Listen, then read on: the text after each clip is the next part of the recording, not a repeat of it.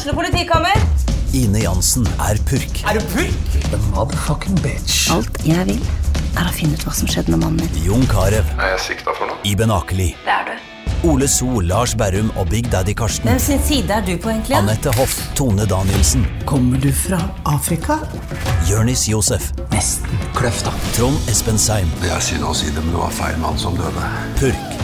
Premiere tirsdag på TV2 Play.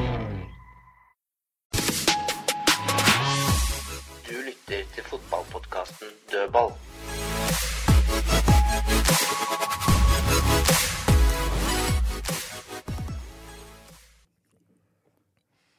Da er vi tilbake i dødballstudio. Nå er også Morten Svesengen eh, fysisk til stede. Og så har ikke helt den samme gjengen som eh, pleier å være her, men vi kan jo begynne med den eh, faste gjengen. Kristine Tovik, velkommen. Takk, takk. Ja, alt vel? Ja, Bortsett fra en knekt tå, så går det fint. Ja, du skal ikke spille, så da går det fint. Nettopp.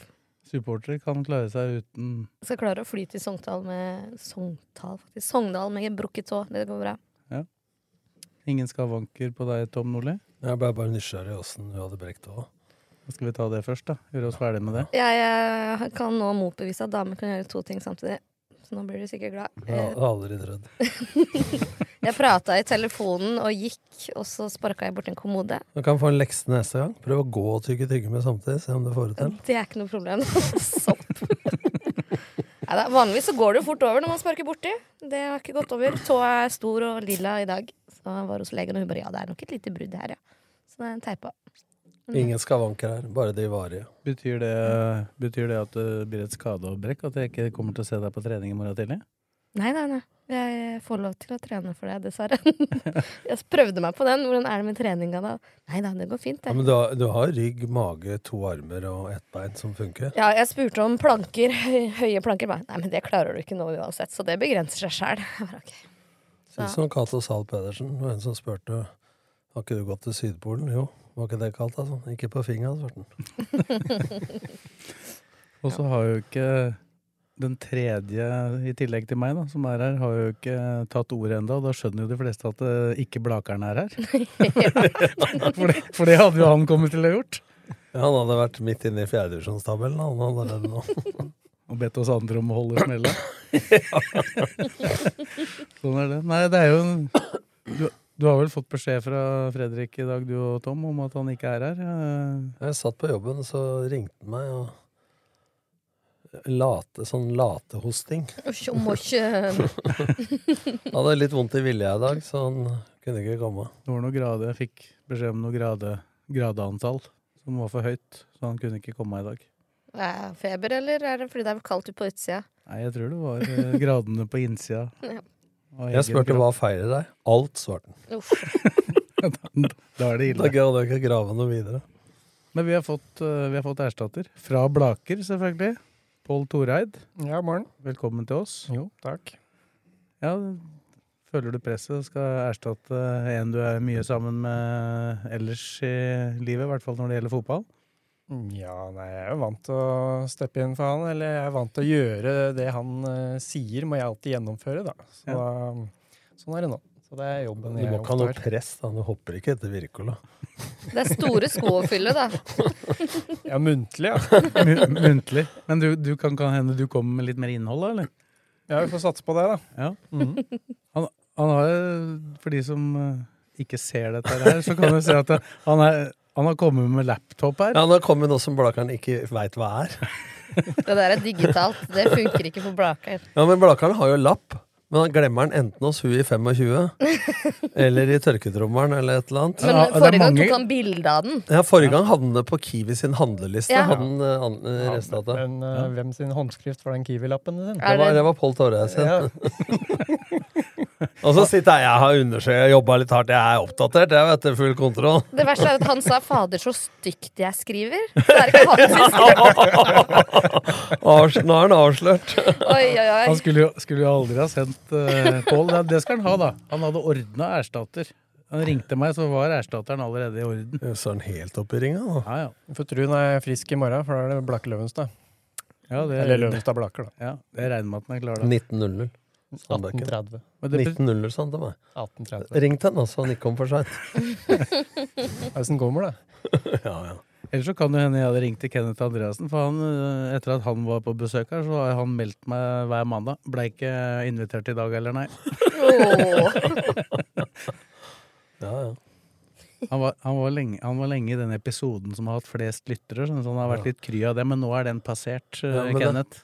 Men han begynner jo Vi blir attraktivt å være med, da, men det var en på Twitter som skrev som jeg sa for noen episoder siden, at det er to LSK-podder. Det er en amatørmessig pod, Mottak, som drives profesjonelt, og så er det en profesjonell podkast, Dødball, som drives amatørmessig. Så vi fikk jo den, da. Vi får, vi får mye skryt òg, da, Tom. Ja, jeg har ikke lagt merke til det. Nei. Det ga mulig at det er bare vi andre som tagges på de. Eller at det ikke er på sånne Facebook-sider og sånn. Ja. Jeg har fått noen, ganske mange hyggelige tilbakemeldinger sånn face to face. Jeg blir overraska, jeg. Ja da. Men det er hyggelig, det. Det, det kan bekrefte. Det er noen som hører på. Mm. Det er jo hyggelig, det, da. Når vi først sitter og rører, så er det jo, er det jo greit at det er noen som eh, hører på oss. Noen som orker det. Jeg påstår at det er forholdsvis seriøst, da, til vi begynner å røre rundt etter vi er ferdig med resultater i lokalballene og sånn, og det blir litt rør innimellom. Men i dag er det kanskje umulig, Pål, og så når du begynner på andredivisjon etterpå, og så hvis Essingen Essengen har et uh, innspill under andredivisjon, Ja. så slipper du vel han til, for normalt altså bare raser Blakeren gjennom helt ned til Bøner i femte, og så kan Morten stille spørsmål. Ja, vi får prøve å ta det kronologisk. Da. Ja. Må ikke det nødvendigvis, men det går greit, det. Så vi Det, det kan jeg jo si med en gang. Det kommer til å bli en uh, sånn egen uh, lokal fotballpod før seriestart, med litt tabelltips og sånne ting som eh, er forberedt der. Så det, det begynner å nærme seg påske. Ja, det er ikke så lenge til fjerdedivisjon i hvert fall. Nei, den begynner jo først, da. Ja. Og så bærer det i veien. Vi må liksom ta det før påske, alt dette her, for ellers så, ellers så blir det blir det for Fjerde, lang tid med. fjerde er en anbefalt divisjon for Blaker. Ja. Da får dere begynt før, og, så, og da kan du ta åtte uker ferie, liksom. Ja, vi må, skal jobbe med det i år, da. Om du Å komme dit, ja. Er du enig i det at hvis det ikke rykker opp nå, så må Blakeren begynne å tenke på Afvides her, eller? Ja, altså det er det jo egentlig jeg som bestemmer. For jeg, jeg sitter jo i fotballstyret, så jeg sitter jo på pengesekken. Så jeg har jo på en måte makt. Altså, men så lenge jeg får spille, så har vi ikke vurdert det ennå. Vi skal, komme, vi skal komme litt mer tilbake til uh, tilstanden både i Blaker og ellers. Så skal vi starte i Marbella, da, hvor jeg har uh, vært uh, halvannen uke. Drøyt. Brun og blid, da.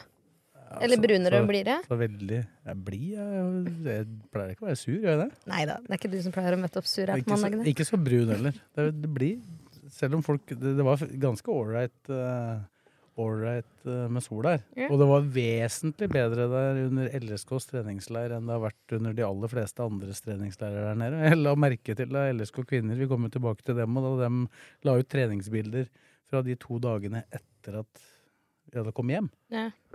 Da var det gråvær igjen. Så det har nok hatt en viss flyt, eh, flyt med været der, faktisk. Det er usedvanlig uvanlig, da. For før så var jo La Manga kaldt og vind og så videre. Så var jo alltid Marbella valgt å gå dra videre. På andre treningsleir ditt, eller første noen også, så var det jo alltid varmere. Men i år har det vært eh, guffent. Perioder var det det, men jeg tror jeg hadde valgt Marbella ti av ti ganger enn eh, La Manga. Det var eh, utrygge saker, og det var, det var nesten bankers å bli sår i halsen og Det blir dårlig der, altså. Bare litt grann sånn små, små forkjøla. Jeg hørte at det er noe som helles oppi noe glass rundt eh, La Manga der, som gjør at man blir litt sår i halsen. Jeg tror det var vinden som var den største, hadde den største påvirkninga. Eller en kombinasjon, kanskje. Men uh, møtte Haugesund. Uh, vi snakka jo grundig nok om uh, Vikingkampen som ikke var bra forrige uke. Uh, ble det Haugesund denne helga, Kristine? Så du kampen? Nei, jeg jeg jobba faktisk. Så jeg så ikke den kampen. Men jeg har sett eh, høydepunktene, og jeg må si at det virka jo mye mer solid denne gangen. Så tilbakemeldingene er jo at nå begynner det endelig å sette seg, og så er det jo, syns jeg, stas med Tobias, da. Ekstra stas når det løsner for han. Og Svendsen skårer målet. ja. Ja, det er jo det. Og at eh, det går bra for de andre også. Så det lover jo godt, da, for Sogndal. Jeg er ikke så bekymra. Oi, det er kanskje, det er kanskje litt Holdt på å ikke siter meg på det, men det er opptak. det er ganske morsomt å bivåne at eh, det er nøyaktig sju dager siden det var like mørkt som gardinene i studio her. De er svarte, for å bare melde det. Og så er det én kamp, og så er det i orden igjen, da. vet du. Ja. Det er, eh, Det er jo sånn enkelt fotballivet å være være nå var jo jeg ganske kritisk forrige gang, da, til, til ting. Men jeg var jo roligere forrige gang, fordi jeg er jo egentlig mer fornøyd når det ikke går så bra. Ikke mer fornøyd, da, men det, Da er da ting- får jeg ikke noen sånne forventninger Jeg håper har lyttere ikke hørte hva du sa nå. Sånn. Jeg er egentlig mer fornøyd når det ikke går så bra. Det er fin livsfilosofi. Ja, man får i hvert fall ikke så mye sånne depresjoner. Men man blir ikke skuffa hvis man har et realistisk forventningsnivå. Så tror- slipper man å bli så Det gjelder mest i, når det gjelder treningskamper. For det er liksom en sånn Jeg veit ikke om det er en myte eller en sannhet, ja, men at hvis det går dårlig på vinteren, så kan det hende gå bra i sesongen og motsatt. Jeg, Ja, det var vel rundt er sånn. I 2000-tallet så var det sånn. Det er det som henger igjen for oss som har vært med altfor lenge. Kanskje en sesong eller noe sånt. Da. For i, i min trenerkarriere så er det stort sett ni av ti ganger hvor vinteren har vært bra, så har det vært bra i serien.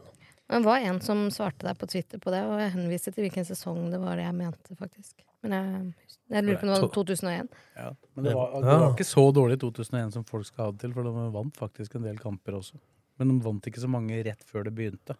Ja, det er det som teller, da. Det var vel ganske nærme beste startelver mot Haugesund nå. Det gjør Ja, det, jo var noe, tre, det òg, da. det var tre endringer eh, fra kampen mot Viking, da, og alle i midtbaneleddet, skal vi si det. I og med at eh, vi må, eh, hvis vi regner Vetle Dragsen som en del av midtbaneleddet i en 3-5-2. Ja, men nå har jo folk sagt det at uh, rundt forbi i sosiale medier og andre podkaster osv. at uh, det mangler den derre ankeret, da. Eller sekserrollen, den sentrale av de tre. Fordi at man kan ikke få noe hjelp av Ibrahim Mai og Aasen, for de er ikke noe god defensivt. Jeg er uenig i det. At det, det er kanskje ikke de ballvinnerne, men de har jo ork i massevis. Og, Mm. og hvis du er tre sentrale, så er- dekker jo det mye mer plass, i tillegg til to sidebekker, enn det gjorde for Matthew og Knutsen eller Matthew og Kairin i fjor. Som skulle dekke hele den bredden omtrent aleine når, når bekka var nede i en femmer. Da. Sånn at eh, jeg er ikke så redd for det. Og, og, Det virker som om det begynner å sette seg for uh, Akkor og Lene òg. og så er det noen som sier at uh, Lundemo, da, for den har vært skada før, så han får maks åtte kamper i år. Det er, liksom, det er fasit. Det er noen som veit det på forhånd. Det er fantastisk. Men du så matchen du, Tom. Ja. Uh, hva, hva tenkte du? Nei, jeg har, vært, jeg har vært kritisk fordi at For å gjenta det, da, så for å legge grunnlaget til det jeg mener, så har jeg vært kritisk fordi at jeg syns de for lenge har spilt med to jevne elvere på trening og i treningskamper. Eh, spesielt når de bytter formasjon til 3-5-2. Eh, hadde de spilt eh, på en måte det mye mer i fjor, da, og ikke med så mange utskiftninger, så hadde jeg skjønt at de trente mer på plan B og C. og og de har prioritert å beholde konkurransen i laget og harmonien i garderoben, og det er en fordel. Men eh, jeg har vært eh, skeptisk til samhandlinga, da. Eh, spesielt offensivt, eh, når du ikke har vinger på samme måten som i fjor, og det er tre sentrale og to spisser. Eh, så er det én kamp, da, de gjør dette. Og da er jeg jo roligere, jeg òg, for at det er mye å plukke på. Men første halvtimen, spesielt mot Haugesund, syns jeg er meget høy kvalitet både i presset, gjenvinning, variasjon i angrepsspillet fra frispillet bakfra mot etablert til å spille direkte opp på to spisser, legge igjen og så gjennombrudd. Og angrep mot etablert forsvar hvor balltempoet var mye høyere. altså Vendingen av spillet var raskere. Doblinger på kant osv. Og så har jo disse skåret fem mål nå på de siste kampene, disse to spissa, pluss at de er litt assis til hverandre osv. Så, videre, så så nå, annen omgang var ikke så bra, men eh, nå syns jeg det vi så tendenser av hva man kan forlange av minste felles multiplum da, gjennom sesongen eh, på det. Samtidig så var jo andre omgangen også en sånn omgang du leder eh, 3-1. Motstanderen Haugesund var jo veldig åpenbart ute etter å få en god start på andre omgang og komme tilbake etter det som etter hvert ble en ganske svak eh, førsteomgang for dem. da. De Ja. åpna jo forrykende, dem òg. De gikk Ja. jo rett i strupen på LSK i starten. Men begynnelsen av andre omgang så jo Haugesund ganske bra ut. Ja, men samtidig så skapte de ikke ikke mye. da. det var kontroll fra Lillestrøm. Følte at de hadde kontroll relativt greit. Og det er et poeng, da, for tidligere i år så har jo Lillestrøm sluppet inn eh, Gjennom sesongen, de to siste sesongene, så har det vært få sjanser imot når LSK har spilt. Eh, og lite baklengs. Eh, færre enn på mange år. Men i år i treningskampene så har jo til å begynne med i år, i de to-tre første kampene, så skårte jo motstanderen på 90-100% av sjansa som blei skapt. Og så var det en kamp hvor de motstanderne hadde Etter Flora, var det ikke det? Hvor det var, Ja, Vikingkampen. Vikingkampen, Nå så var det ni ni, store. ni store imot. Og da begynte jeg å lure. Men nå var jo Haugesund to, ja, hvis jeg, ser- to målsjanser, da. Ni til LSK. Ja. Eh, så nå var det mer sånn som man kan forvente normalen. Og jeg tror Vi har diskutert om Ibrahim Mai og Aasen kan spille sammen. Jeg mener at ikke det er noen fare, da. Som indreløpere. Teller du med målet som målsjanse da, eller? Nei, det må jo det, fordi det blir Må mål, da. Ellers er det bare én. I det øyeblikket han uh, Nidje, skal sette den i mål, så er det jo en stor målsjanse. Men eh, hvis du bare skal telle målsjanser som du skaper uh, sjøl, eller motstanderen skaper, så vi må jo telle den siden det blir mål. Men eh, jeg er enig med Pål at det er i utgangspunktet ingen sjanse før uh, Hedenstad Christiansen eh, demper den i feil retning. Stakkar, da. Hæ? Bedre å få det vekk nå. Ikke si stakar. Altså, det, Unnskyld, dette er Tom, men jeg, jeg får vondt Ja, men- men, han ja. har jo vist Men at han blir ikke påvirket Nei da, jeg har ikke vondt i inni meg, men jeg følte med den der og da. Men du, men du så det jo på den etterpå at det var jo ikke, han brydde seg ikke noe om det i det hele tatt. Altså, Nei, men det er det som er fint. Det handler om hvordan han håndterer det etterpå. Han var, ja, ja, brush it off. Det var en treningskamp. Bedre å bomme nå enn å gjøre det i en telekamp. Men selv om det hadde vært en eh, seriekamp, Ja. Så må du brush it off, som du sier, da. Må det, men det er ikke alltid like lett å gjøre det, da. Frode Grodås var jo der og så på han og Egil Selvik. Trodde et øyeblikk det var han som sto Ja, i mål, da. det, det, det var det jeg skulle si. At I pausen, da jeg var borte og pratet litt med Frode, så holdt jeg på å si at har du hatt så fæl påvirkning på, på Mats nå at du Ja, Men det turte jeg ikke. Det turte, det turte Det jeg rett og slett ikke å si. Grodåsen Tror han hadde tålt det veldig bra. Han hadde Grodåsen han demper jo hardere enn jeg noen gang har skutt. Det kan hende han vurderer den risikoen annerledes i en seriekamp. da. At den ikke prøver, altså mukker den ut til venstre istedenfor.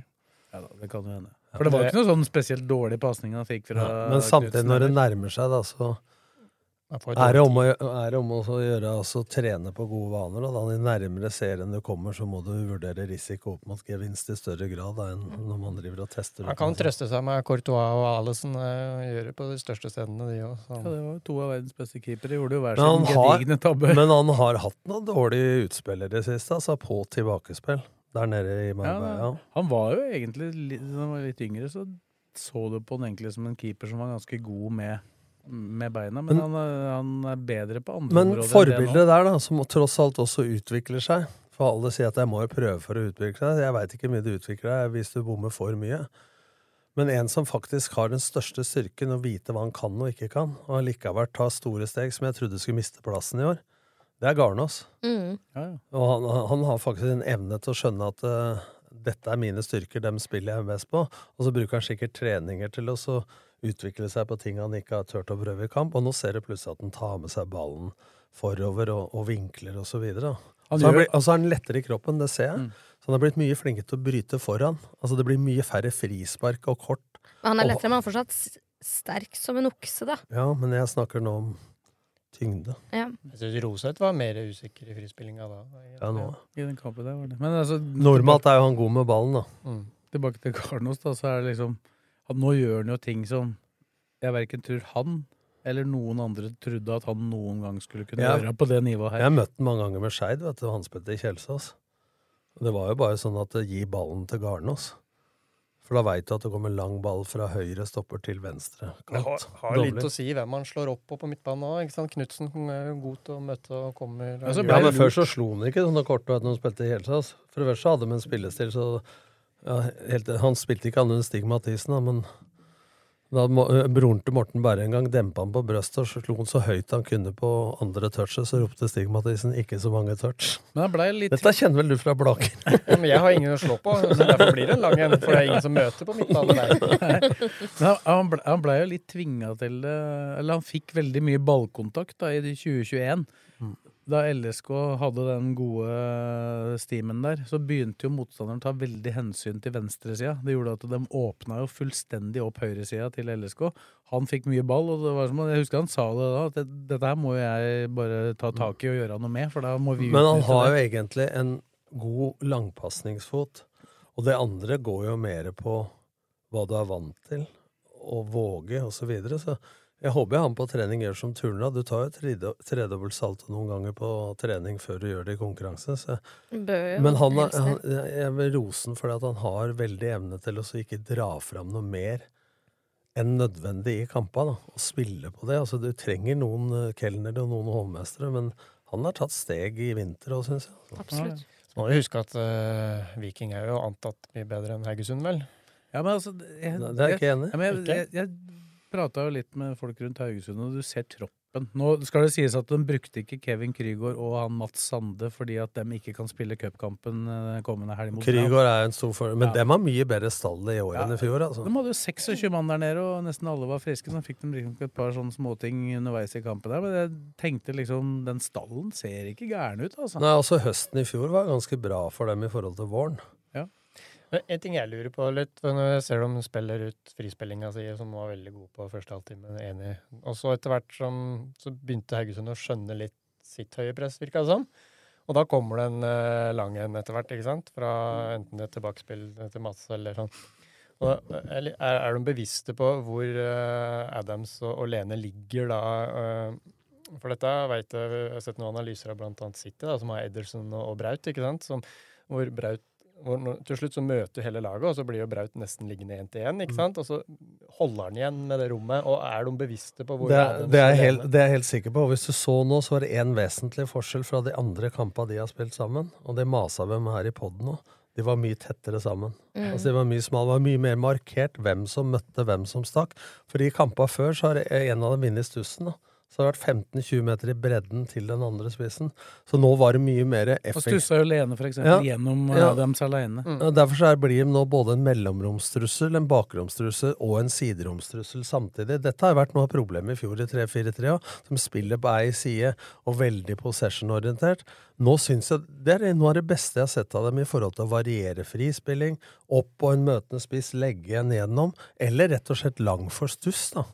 Og det tror jeg de var veldig bevisst på. Altså, det skal sies, da, for hvem som var der nede, de, de likte ikke den Vikingkampen. Det var ingen der som likte den Vikingkampen overhodet. Og det ble jobba ekstremt mye i støtteapparatet spesielt. De eh, så mye video, og det ble lagt fram mye video for spillere. Nesten mer enn det de var på feltet, faktisk. For de tok jo én fridag der, og så var det var det veldig mye jobbing både i samtaler og video. For at de skulle på en måte ha dette her på plass. De begynte å bli litt bekymra. men, ja, men da har de også brukt det riktig. Mm. For at med summa summarum, da Hvis du hadde spilt sånn middels pluss, da altså Det skal ofte sånn derre en jævlig dårlig prestasjon til for at folk våkner, istedenfor å tenke at dette ordner seg når det nærmer seg men det var jo det vi sa forrige på da, at nå må de fokusere på det som var galt, sånn at de kan bli bedre. Og det gjorde de jo.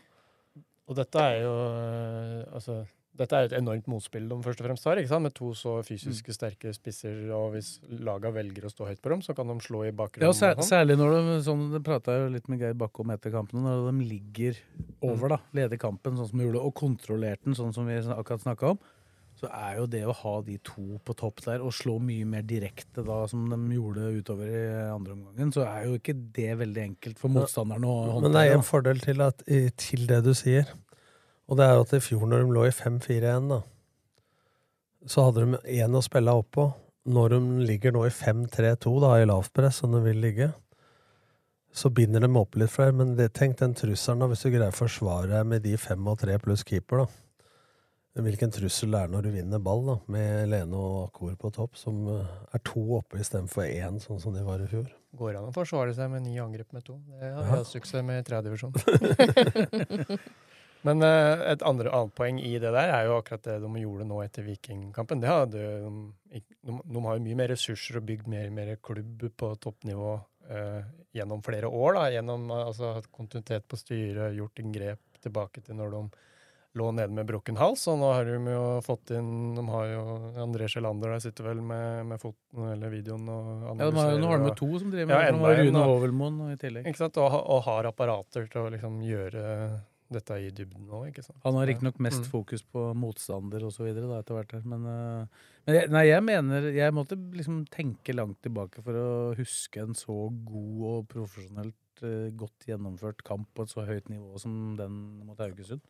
Ja, det, er, det er jeg helt enig og man kan måle det på to måter. Det ene er jo liksom fantastiske skåringer og tekniske detaljer og alt sånt, men det er ikke det jeg ser etter når jeg ser på den kampen. Det er det vi snakka om i de to siste podene. Det er en mangel på soliditet i etablert forsvar, etablert angrep, spesielt etablert angrep. Mm.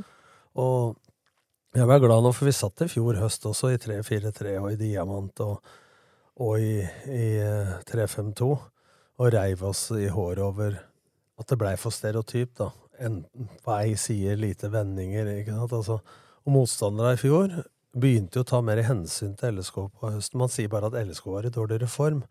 Man må huske på det også at motstanderen kom til Åråsen ni av ti lag og la seg fordi at LSK hadde begynt å være i medaljekampen. Og det krever jo at man må legge en alen til sin vekst, da, LSK i sitt eget spill også. For hvis man er helt ærlig, så var jo våren i fjor så var Lillestrøm ekstremt flinke på dødball. Fikk ofte ledelsen i kampa, som gjorde at motstanderen måtte fram på banen, og det ga helt andre rom.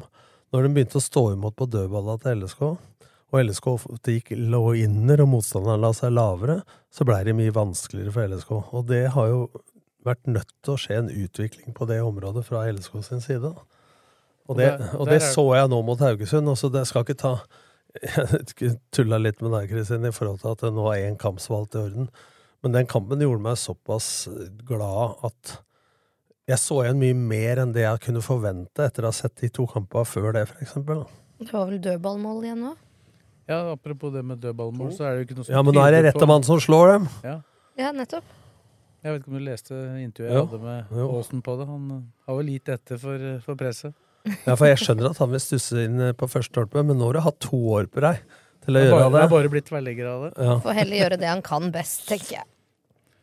Og så skal det skal jo sies at uh, Tønnesen spiller, så har ikke han noen dårlig dødballfot heller. Så jeg ser jo at det er han som tok det ofte i fjor, da. Selv om han huskes aller mest blant supporterne for den uh, korte corneren mot, uh, som Knutsen og Nå Kairin tok banna sammen. du. Det er ikke pent å banne på det viset der.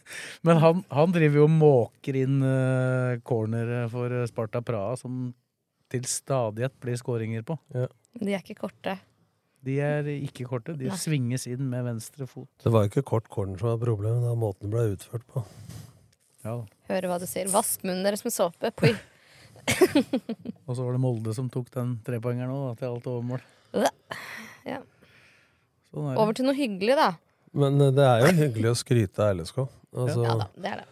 Og jeg er spent nå om de greier å følge opp, for det er ikke noe walk in the park i Sogndal. Men jeg tror Sogndal skal slite. Og spesielt på kunstgress, og det er ikke noe ukjent underlag om, gjennom vinteren for LSK, eller selv om de har vært på to treningsleirer. Men Hvis de får det balltempoet de hadde første halvtimen uh, mot uh, Haugesund, så skal de slite med, med å henge med. Men så er det andre ting som kommer inn i bildet. Det teller. Men blir det de samme elleve som starter, da? Vi får se, vi kan gå litt gjennom det. Vi kan jo starte helt bakerst. Der er det vel ikke noe vits å diskutere. Selv om det var en grov eh, feil, så er det ikke så veldig, veldig mye sannsynlighet i at noen andre enn Mats Edenstad Christiansen står i mål, selvfølgelig. Nope. Og så er det jo en eh, Skal vi ta den treeren bakerst, da, så tror jeg vel sånn situasjon er nå at Garnås og eh, Gabrielsen er bankers, men den mest åpne plassen akkurat nå er venstre stoppeplass. Og det, og det er ikke nødvendigvis fordi at Roseth er dårlig. Jeg syns han har vært litt dårligere i de to, kampene. Og så har Tønnesen blitt litt bedre. Men Tønnesen som stopp, han er bedre som sidestopper enn som wingback per nå, syns jeg. Ja, og da får han en annen vinkel. Altså for Som sidestopper venstre i en treer bak, så er du smalere i banen enn en back. Og litt breiere enn en vanlig stopper, så du har vinkel til å spille begge veier. da. Du får ikke sidelinja som, som motstander så mye. Men uh, det er egentlig et luksusproblem, de to, da, Men det er litt tidlig. eh, men eh, akkurat nå så er jo Garnås lenger foran Skjærvik enn Roseth. eh, Forskjellen mellom Roseth og Tønseth. eh, Tønseth, sier jeg. Didrik, han ble nummer sju som vanlig. Tønnesen. Ja. Ikke ta ut Krüger. Nei, han Nei, kan vinne. Ta ut han som er norgesmester og olympisk mester i fjerde til sjuende plasser. Ja, du mener noe der òg, ja. Ja, det, ja, jeg ser på alt det skjer. Men jeg er ferdig med det nå. Men, eh, men Vetle Skjærvik, han, eh, han Kommer, kommer, han. altså. Ja. Han, eh, den foten hans, den kommer folk til å bli glad i. Men det blei diskutert i den andre LSK-poden Harde mottak også, ble diskutert om Skjærvik kunne spille sentral midtbane, for han har jo vært der før. Mm. Ja, der jeg, trodde, kan- jeg trodde du hadde lest eh, spillebørsen min fra Ja, men det, det gjorde jeg også. Uh, men jeg prøvde å gi litt kred til dem i studio. men, men du har også Ruben Gabrielsen, eh, som kan spille litt sånn som Ovuso gjør i Odd. Altså at du er stopper når du trenger det, og så at du dyttes opp i midtbaneleddet. Så, men så har du jo Lundemo og Knutsen, da. Så Ja da, men det spørs jo hvordan du skal, hvordan du skal velge, da. For det er klart, det er jo det, er jo det å finne den derre sekseren som du er trygg på, som er liksom utfordringa her nå. Det er jo I den grad de leiter etter noe i markedet, da, så er det jo en sekser som er Men, god. men samtidig, når du har tre stoppere, så er det jo mindre risiko å ha offensive indreløpere enn i fjor, hvor du spiller med to sentrale. Ikke sant? Mm. For du vil alltid ha én av de tre på plass. Mm. I fjor så kunne plutselig begge to være borte, og så var det beinflyttinga og evnen for ballvinning til Matthew som redda noen ganger. Du kan jo også tenke deg Lundemo og Knutsen sammen, hvor en av dem er indreløper, med at de kan Ja. variere litt hvem som går. Men det ser du på noen lag, da, at eh, når du spesielt møter Ofte når du spiller med tre sentrale, så møter jo motstand motspillet er ofte mann-mann på midten, tre mot tre av de tre sentrale. Så ser du i mye større grad at den midterste, altså den sekseren eller ankeret Indreløperen på samme side som ball går, så går eh, sentralen samtidig, og så detter motsatt indreløper ned og balanserer. Altså det blir mer rotering og dynamikk, da, som du sier, Morten, i det midtbaneleddet, istedenfor at to er indreløpere hele kampen, og én er sekser. Er det mann-mann på trio i midten, så er det veldig lett å forsvare seg mot hvis de er veldig statiske. Ja. Så, Da trenger du folk som kan gå av én mot én, og det kan jo de folka, men du trenger kan jo også gjøre motsatte bevegelser, da, at den sentrale går. Nei, det er ganske, men det er ganske sannsynlig at det er de tre samme som kommer til å starte, tipper jeg, i Sogndal, da, sentralt. Ja, så starter jo Ranger og Dragsnes. Ja, Ranger starter jo, men det, det er jo der det ikke fins dekning per i dag. da. Der kan jo kanskje også Skjærvik også kan jo spille der, men det, Ja. det blir jo en annen type wingback Ja, igjen. altså, Da. men så er det jo Vindheim som kommer etter hvert, da. Ja, men han har jo fått en skade, da. Hva slags skade? Nei, Det er en muskelskade som uh, kommer til å holde han ute noen uker. Han skal ta bilde nå etter at de har kommet hjem. Og så, Så er det noen uker som er estimat per nå. Ja, jeg tror jeg Men det behøver ikke å bli lenger enn det, Kristine, for Nei det. Nei, det bare sånn det. vi tar dem i rota. kan jo håpe for LSKs del at han er klar til seriestart. Ja, for det er det jeg tenker da. Det er vel rundt seriestart. Hvis han er klar til da, så er jo det Det er klart Hvis Eskil Ed blir klar før han, så er det jo, har jo den vikareffekten gå- Litt kjedelig vikariat, da. Ja. Å gjøre som Det den de du to, det, er vikarierer de for. to, det er de to som er på styrkerommet sammen nå, mest. Blir moral support-vikar, da. Men det er klart at eh, hvis, som du sier, da, hvis eh, Ranger skulle være ute, og Ed, og Ed og Vindheim er ute, så er det mange løsninger der. Du kan spille med Knutsen der. Du kan spille med Ibrahim Mai der. Tror jeg heller Ibrahim Mai av de to, men Ja, Du, du mener det, men det er, ikke, det er jo diskutert med treneren. Han er ikke enig. Husk på at han har vært assistenten min. Det spørs om du har den påvirkningen som du hadde da. Nei, men, eh, men eh, seriøst, da, så er det klart høyre er litt uh, verre for Ibrahim Mai. Men han spiller høyre. Det er så rart. For du har vært back i mye, Pål. Og vi kan godt spille med høyre med venstrebeinte høyre indreløpere. Men så fort det blir høyre back, så er det et eller annet som ikke går i huet på folk. Ikke sant? Men det er Jeg tror du mener venstre- at han er for lett å passere. Ja, men det er mange venstrebacker som har spilt Som er høyrebeinte, som har Ja, spilt før. Det virker som alle venstrebeinte har mye svakere fot enn høyrebeinte har. eh, I hvert fall de venstrebeinte jeg kjenner. Jeg skal ikke dra alle over en kam. Men Lars Ranger han, eh, han har en varierende opptreden. vil jeg si. Han var jo som de aller fleste andre ganske svak mot uh, Viking. Og så hadde han ei treningsuke hvor han hadde, han hadde altså den siste treninga før den kampen mot eh, Haugesund. Da var han altså en av banens dårligste. Han hadde to assist. Men det var til Henrik Skogvold, som spilte på det andre laget, og lag to, vant, lag to vant kampen. Da gikk han inn sånn som han eh, gjør på sitt eh, aller verste, og helt hodeløst uten å ha oversikt og miste ballen. Men det må han snart lære, akkurat det Ja, der. men altså, så han- syns jeg han spilte en, spilte en god kamp Ja, nå mot, mot Haugesund. Men han blir for enkel, ikke sant? Og så må han legge bort de derre, som du sier da han, Vandringer, kaller jeg det. Ja, han legger ned huet, og så løper han til det butter, og så enten da så blir han felt og får frispark, eller så lager han frispark imot, Og eller mister særlig ille er det jo når han går innover, da. For Ja. at da er risikoen for å miste ballen eh, Men det er det jeg sier da, hvis Ibrahim Mai eksempel hadde spilt høyre som venstrebeint, da, så er det jo en fordel å gå innover. Ja. ikke sant? Altså, det er så rart, den vil ha høyre Den kan godt ha venstrebeint kant og gå inn i pocketen, som den sier. Og den kan gjerne ha en eh, venstrebeint høyre innløper, Kairin Ibrahimai. Men når det blir back, da er det et eller annet sånn Det går ikke. Nei. Det er klart det går. Nei, så det blir, det blir spennende å se utviklinga. Men Knutsen har jo spilt der. Men det er i noe, ja, han spilte jo til og med på venstre, så det, Ja, ja. høyre vil jo være enda bedre. Ja, ja. Men det, du tar jo på en måte vekk noen av kvalitetene hans som han vil Jeg, jeg mener jo at det er indreløper. Han vil få fram kvalitetene sine aller best. Han sjøl mener at sentra, han vil helst Ja, spille altså, det er mange, jeg hører mange sier at han er så øh, født indreløper. Jeg mener han spiller med for stor risiko i ankerrollen. Men jeg mener at han kler det bedre enn å være indreløper. Han Ja, han mener- han bort, mener det liksom. selv. Ja, men det mener jeg òg, for at han er ingen poengspiller eller en avslutter øh, på den måten. Det var nesten som å høre han snakke sjøl, at han mener at han bidrar for lite øh, oppe. Da. Han er klok, han Knutsen.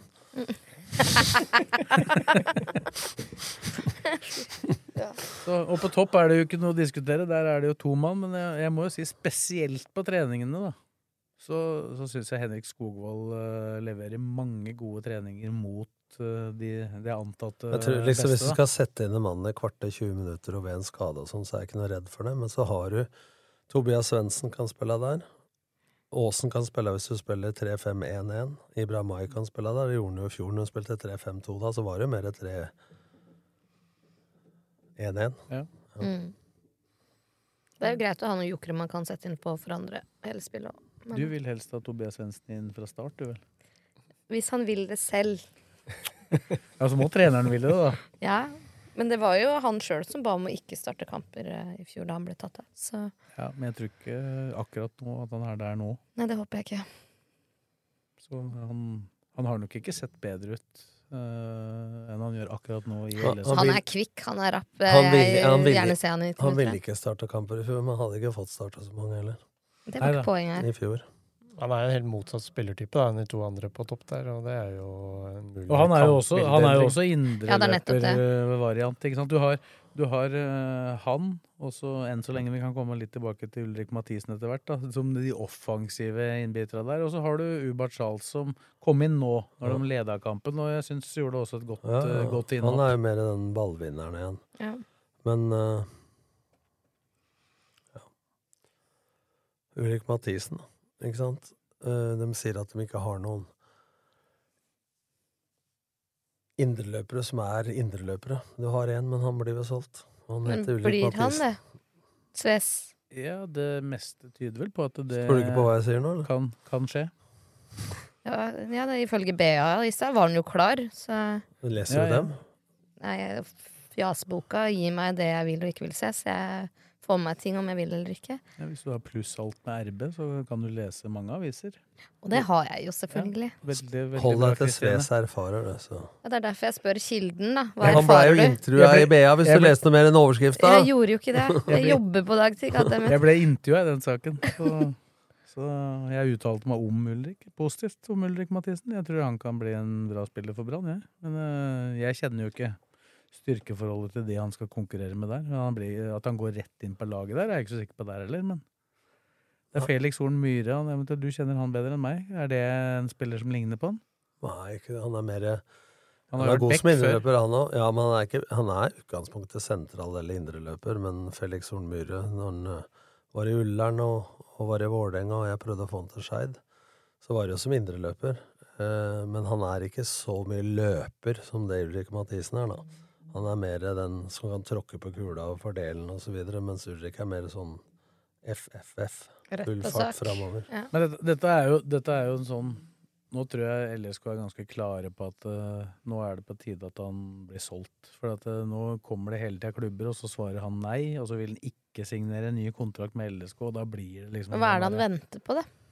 Nei, nei, nå har det jo dette budet fra De buda fra Brann, de kom jo da Det skrev jo da din nærmeste avis, Romerikes Blad, Ja. om først, da. Ja, Men På fredag, og da Jeg, jeg prata jo med Ulrik Mathisen i pausen, for han var jo ikke med. Han er jo akkurat for tida litt sånn småskada, en litt sånn øm akilles-variant, som ikke er noe alvorlig. Du sa ikke det til BA, ikke sant? Nei, men det finner de vel ut når de skal ta medisinsk på den eventuelt i morgen, eller når det blir. Og da, da i pausen så sa jeg ja, bud fra Brann, sa jeg til han. Sånn på meg. Det visste ikke han om Å nei. på det tidspunktet. Men poenget av de andre Men nå vet han det. Du spurte Kristian, hva venter han på. De andre klubbene har de ikke hatt noe lyst til å gå til, og det er bare jo rosegutten for at han er litt bevisst på hva slags spillestil han skal inn i. da. Jo, Kommer han til Brann, så vil han jo få en eh, rolle som indreløper i 4-3-3, og det passer han jo Men har ikke Brann vært på bordet tidligere også? Er det fordi Nei, Buda nei, de nei, har kommet inn, nei, de har kommet inn nå. Ja, okay. Strømsgodset var det jo veldig nært, men der var det jo noe som skjedde med at klubben til slutt eh, Men de, men de kommer til å spille 4-2-3-1 igjen, ikke sant? Og da skal det være tier eller en, kant eller Jeg så faktisk de hadde tre bak i en kamp her nå. Ja, ja, vi spiller 3-5-2, 3-4-3. 3-4-3 mye, så det, det blir jo enten to sentrale eller kant. Det jeg mener ikke jeg han passer så godt til. Nei. Så det er klart at eh, Brann er jo det nærmeste av dem som har vært på banen her, som han vil passe inn rent spillestilsmessig, da. Men, Mm. Ålesund er vel kanskje Ja, det samme? ja, men det, han er veldig defensivt tenkende land, da. Men, men poenget er at eh, hva venter han på? Jeg mener jo det at eh, Jeg har sagt det før i poden, at han eh, sitter med alle korta. Han har muligheten Mm. til å si nei. Se hvor mye spilletid han får i LSK fram til sommeren, og så ta et valg. Det hadde jeg gjort, hadde jeg vært han. Ja, det er det han hvis- gjør nå. da. LSK vil at han skal skrive under. Greit. Han er sin fulle rett har kontrakt ut året, og LSK kan si hvor mye hun vil at vi vil selge deg. Det hjelper ikke det hvis han ikke vil. Men han sitter faktisk med korta, da. Og når han ikke har vel skrive under fortsatt, men nå har Brann kommet på banen, som kanskje lokker litt i forhold til publikum, eh, stor klubb, eh, spillestil osv. Men eh, jeg mener det hadde vært lurt. Han veit hva han har i LSK, i et eh, veletablert topplag nå. Så ville jo jeg vært han og sett han hvor mye spilletid jeg fikk fram til sommeren, og så gjort valget da. Samtidig så vil det jo også kunne bli sånn, da, i en situasjon hvor det eventuelt står jevnt mellom han og Ubert Charles, da. Så er det jo ikke utenkelig at du velger Ubert Charles foran han, da. For meg, i mitt, trener, for mitt trenerhode, så er det helt utenkelig. Ja, men hvis de, nå mener jeg ikke at hvis er, han er klart bedre, men hvis de er ganske ja, like ja men, det, men da også. For det er aldri noen som er helt like. For jeg husker også at jeg fikk beskjed av Odd-styret en gang, at Torjus Hansen, som da var første Bosman-spilleren i Norge, som gikk fra Odd, så sa styret til meg at du kan ikke bruke han, for han har skrivende for LSK for neste år. Jeg er her. Jeg har ett oppdrag, det er å rykke opp. Jeg bruker medarbeiderne mine. Bruker de som er best til enhver Dem som tid, er best til enhver tid. Og, få, at dere ikke er greid å for, forlenge kontrakta, venta til eh, første klubb på banen, og sitte og holdt igjen penga og lønna på han for at de utenfra var mest lønn, så jeg bruker dem. Han var med og rykka opp, og gikk. Så henta vi Nordnes. Men han var sannsynligvis klink best. eh, Nei, han var ikke det. Det var jo konkurranse. Ja, okay. Men så henta vi Nordnes ikke sant, i det løpet, og så gikk han. Og jeg mener at ja, det er noen som snakker sånn at de sier at hvis det er jevnt, så bruker vi han. Og det tror jeg er mer en sånn styre- eller administrativ beslutning. Altså, Hvem er det som takker treneren hvis du taper fotballkamper? da? Jeg mener at trenere den bruker det beste laget. Altså, Du ser jeg ikke eh, jeg skal, ja, Han er fire år, ja, han er ett år, han er til måneden igjen. Nei, da tar vi han, for han skal være her. Kan det hende du som trener er borte lenge før han spilleren er borte? Så ja, slutt med det tullet. Bruk den som er best. Jeg er ikke noe overraska at Tom eh, melder sånn, han, eh, men eh, jeg vet ikke om Geir tenker annerledes.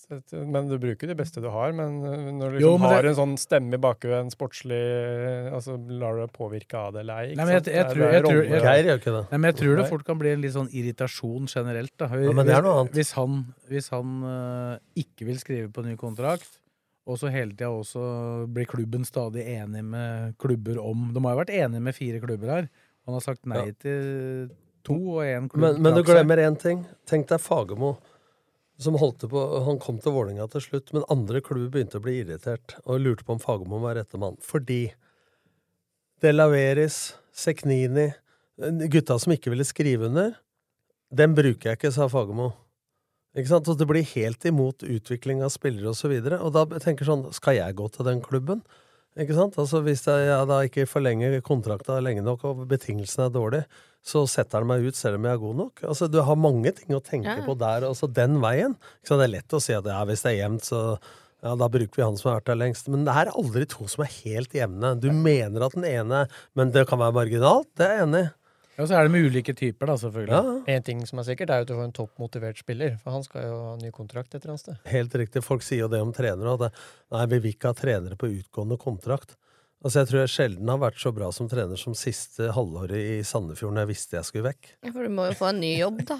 Ja, men, men jeg sa jo det også en gang. Jeg coacha nyhetsavdelingen når han jobba der, Glenn Due, i TV Norge, så var folk helt fra seg, for dem, eh, jeg hadde foredrag der, så mista dem eh, nyhetsavdelingen mista jobben, da. Skulle legges ned? Ja, så sa jeg til UNE du har jo verdens beste CV-mulighet. Du skal jo være i nyheten nå i, i fire måneder før dette legges ned. Jeg skal se på deg på skjermen hver dag, så hvis du er dårlig, så kommer jeg til å ringe til deg. Altså, Det er det beste utstillingsvinduet du kan ha. Og jeg har aldri tatt, bortsett fra sånne korttidsoppdrag, så har jeg aldri tatt så mye rå, kyniske beslutninger for å vinne kamper. For du legger bort det emosjonelle litt, ikke sant? Altså Du tenker skal jeg ta Nei, han Pål kommer til å bråke, så nei, han, nei, da tar jeg han på laget istedenfor han andre, for det er jevnt, og så da blir det ikke noe bråk. Du tar mye råere beslutninger, vet du. Du får hakket den emosjonelle siden med det. Du skal bare gjøre mest mulig jobb. For deg sjøl og for laget. Ja. Uten å ta alle de derre Hva er det du pleier å si? Stakkar. Ja, som du sa i stad. Ja, men du har jo, du har jo Ikke ta noe hensyn, bare være iskald. Nei, det er ikke iskald det er snakk om. For, men folk sier det også, for jeg har lyst til å si jeg angrer som en hund at jeg ikke, fra, ikke gikk fra start til Rosenborg engang. Mm. For folk sa at øh, vi lå øh, Ja, jeg sa jo ja til Rosenborg. Men så sier Rosenborg plutselig du må begynne med en gang, så leder vi serien med Start. Kona sa bare eh, Start ble hadde Rosenborg. Gå! Det var LSK som sørga for at det, den muligheten kom før. For det, de slo eh, Rosenborg for første gang siden 1982. Da måtte selvfølgelig treneren gå. Ja, og Torstein Helstad bomma på straffe for Rosenborg. Men, men poenget mitt, da. Altså, så får alle spillere eller trenere som forlater klubben, får av supportere og alle andre beskjed om at dårlig gjort og illojal og alt mulig. Hvor faen er, eh, hvor lojal er klubben den dagen eh, de ikke har brukt for spillerne eller trenerne? Da er det til helvete vekk. Men akkurat sånn det er i Lillestrøm nå, så, så liksom Alt oser jo av soliditet og, og kontinuitet og, og langsiktighet. Og, og, så- Og harmoni. Ja, Og da spør jeg, kan det bli for harmonisk òg? Garderoben Du trenger et sjarmerende rasshøl i hver garderobe, Pål. Ja, men det er jo flere sjarmerende rasshøl i Og det har jo garderoben. dere blakker òg. ja, men det skjønner litt hva jeg mener. Altså, hvis du bygger ja, Garderoben er viktig, miljøet er viktig, alt som du sier, Pål. Men, men det må være litt dynamikk i det òg. Ikke bare at nye eh, kommer inn. Og så er jeg helt enig i at hva slags personlighet du har med spillere, skal også fungere sammen. Ikke bare på det relasjonelle på banen, men også Det er eksempler tilbake i tid. Når LSK kvitta seg med Dennis Schiller og henta Ole Einar Martinsen, begge er ålreite fyrer, og begge er gode fotballspillere. Men eh, Grodås sa det. Når Schiller'n ble borte i garderoben, så var det noe som skjedde med hele miljøet. For han var klovnen og muntrasjonsrådet og alt mulig. Så jeg er helt enig i det. Men jeg sier ikke at det er sånn i LSK, men sånn generelt så, så kan det også bli sånn hvis alt er så hyggelig og greit, og som du sier, da, alt å bygge klubb, og alt er så bra, alt er så bra ikke sant? Hvor utviklingsorientert er du da? Jeg, tenkte på ledernivå, da. Altså, men eh, ja. Ja, for det er jo noe De, de, de valga på hvilke spillertyper de går for, det tar de jo på trener- og sportslig Ja. eh, sjefnivå. Mm. Men uh, den garderoben har jo fått seg en Jeg snakka også litt med Gjermund Aasen om. Det, det har jo blitt kommet mange nye inn. Så det har jo vært en, liksom, en sånn Den dynamikken har du jo på en måte fått uh, utfordra litt. grann. Ja, selv om- selv om det ikke er drittsekker, de som har kommet inn uh, Ja, det, sånn jeg, jeg jeg, kjenner dem. håper folk lytter og skjønner hva jeg mener med en drittsekk. Da. Altså, En som tør å melde. Altså, Ja, en, de har fått Ruben Gabrielsen, han er Ja. dønn ærlig. Han, han er ikke redd for å snakke til noen. Nei, det hørte jeg en Ja, det er- det hørte jeg en podkast her. Ja, men Det er så fantastisk. Altså, jeg husker han som den lille guttungen han var sist han var her. Han har blitt så fin og voksen og reflektert. Og Hvor lenge siden var det? da? Det føles som hele evighetssida. Ja, Men det- han har jo bikka 30, da. Det ser jo ja, men var det da han var 2013 eller 2014? Det er jo Nei, ti år 2014, siden. tror han. Ja, Så på ni år, da, så er det mulig å bli litt mer voksen. Jo, takk Gud for det. jeg, kan, jeg, jeg, kan, jeg kan ta en scene fra, scene fra en av treningene, det tror jeg var i den første uka, hvor, eh, hvor de har formasjonstrening. da, Hvor eh, Petter Myhre blåser av treninga for, Ja. for å spørre om den burde ha gått i Om eh, en, en av indreløperne skulle gått opp i press. Uh, og så står de der og diskuterer fram og tilbake, og så følte de jo at de hadde full kontroll bak, for det sto tre midtstoppere mot én spiss.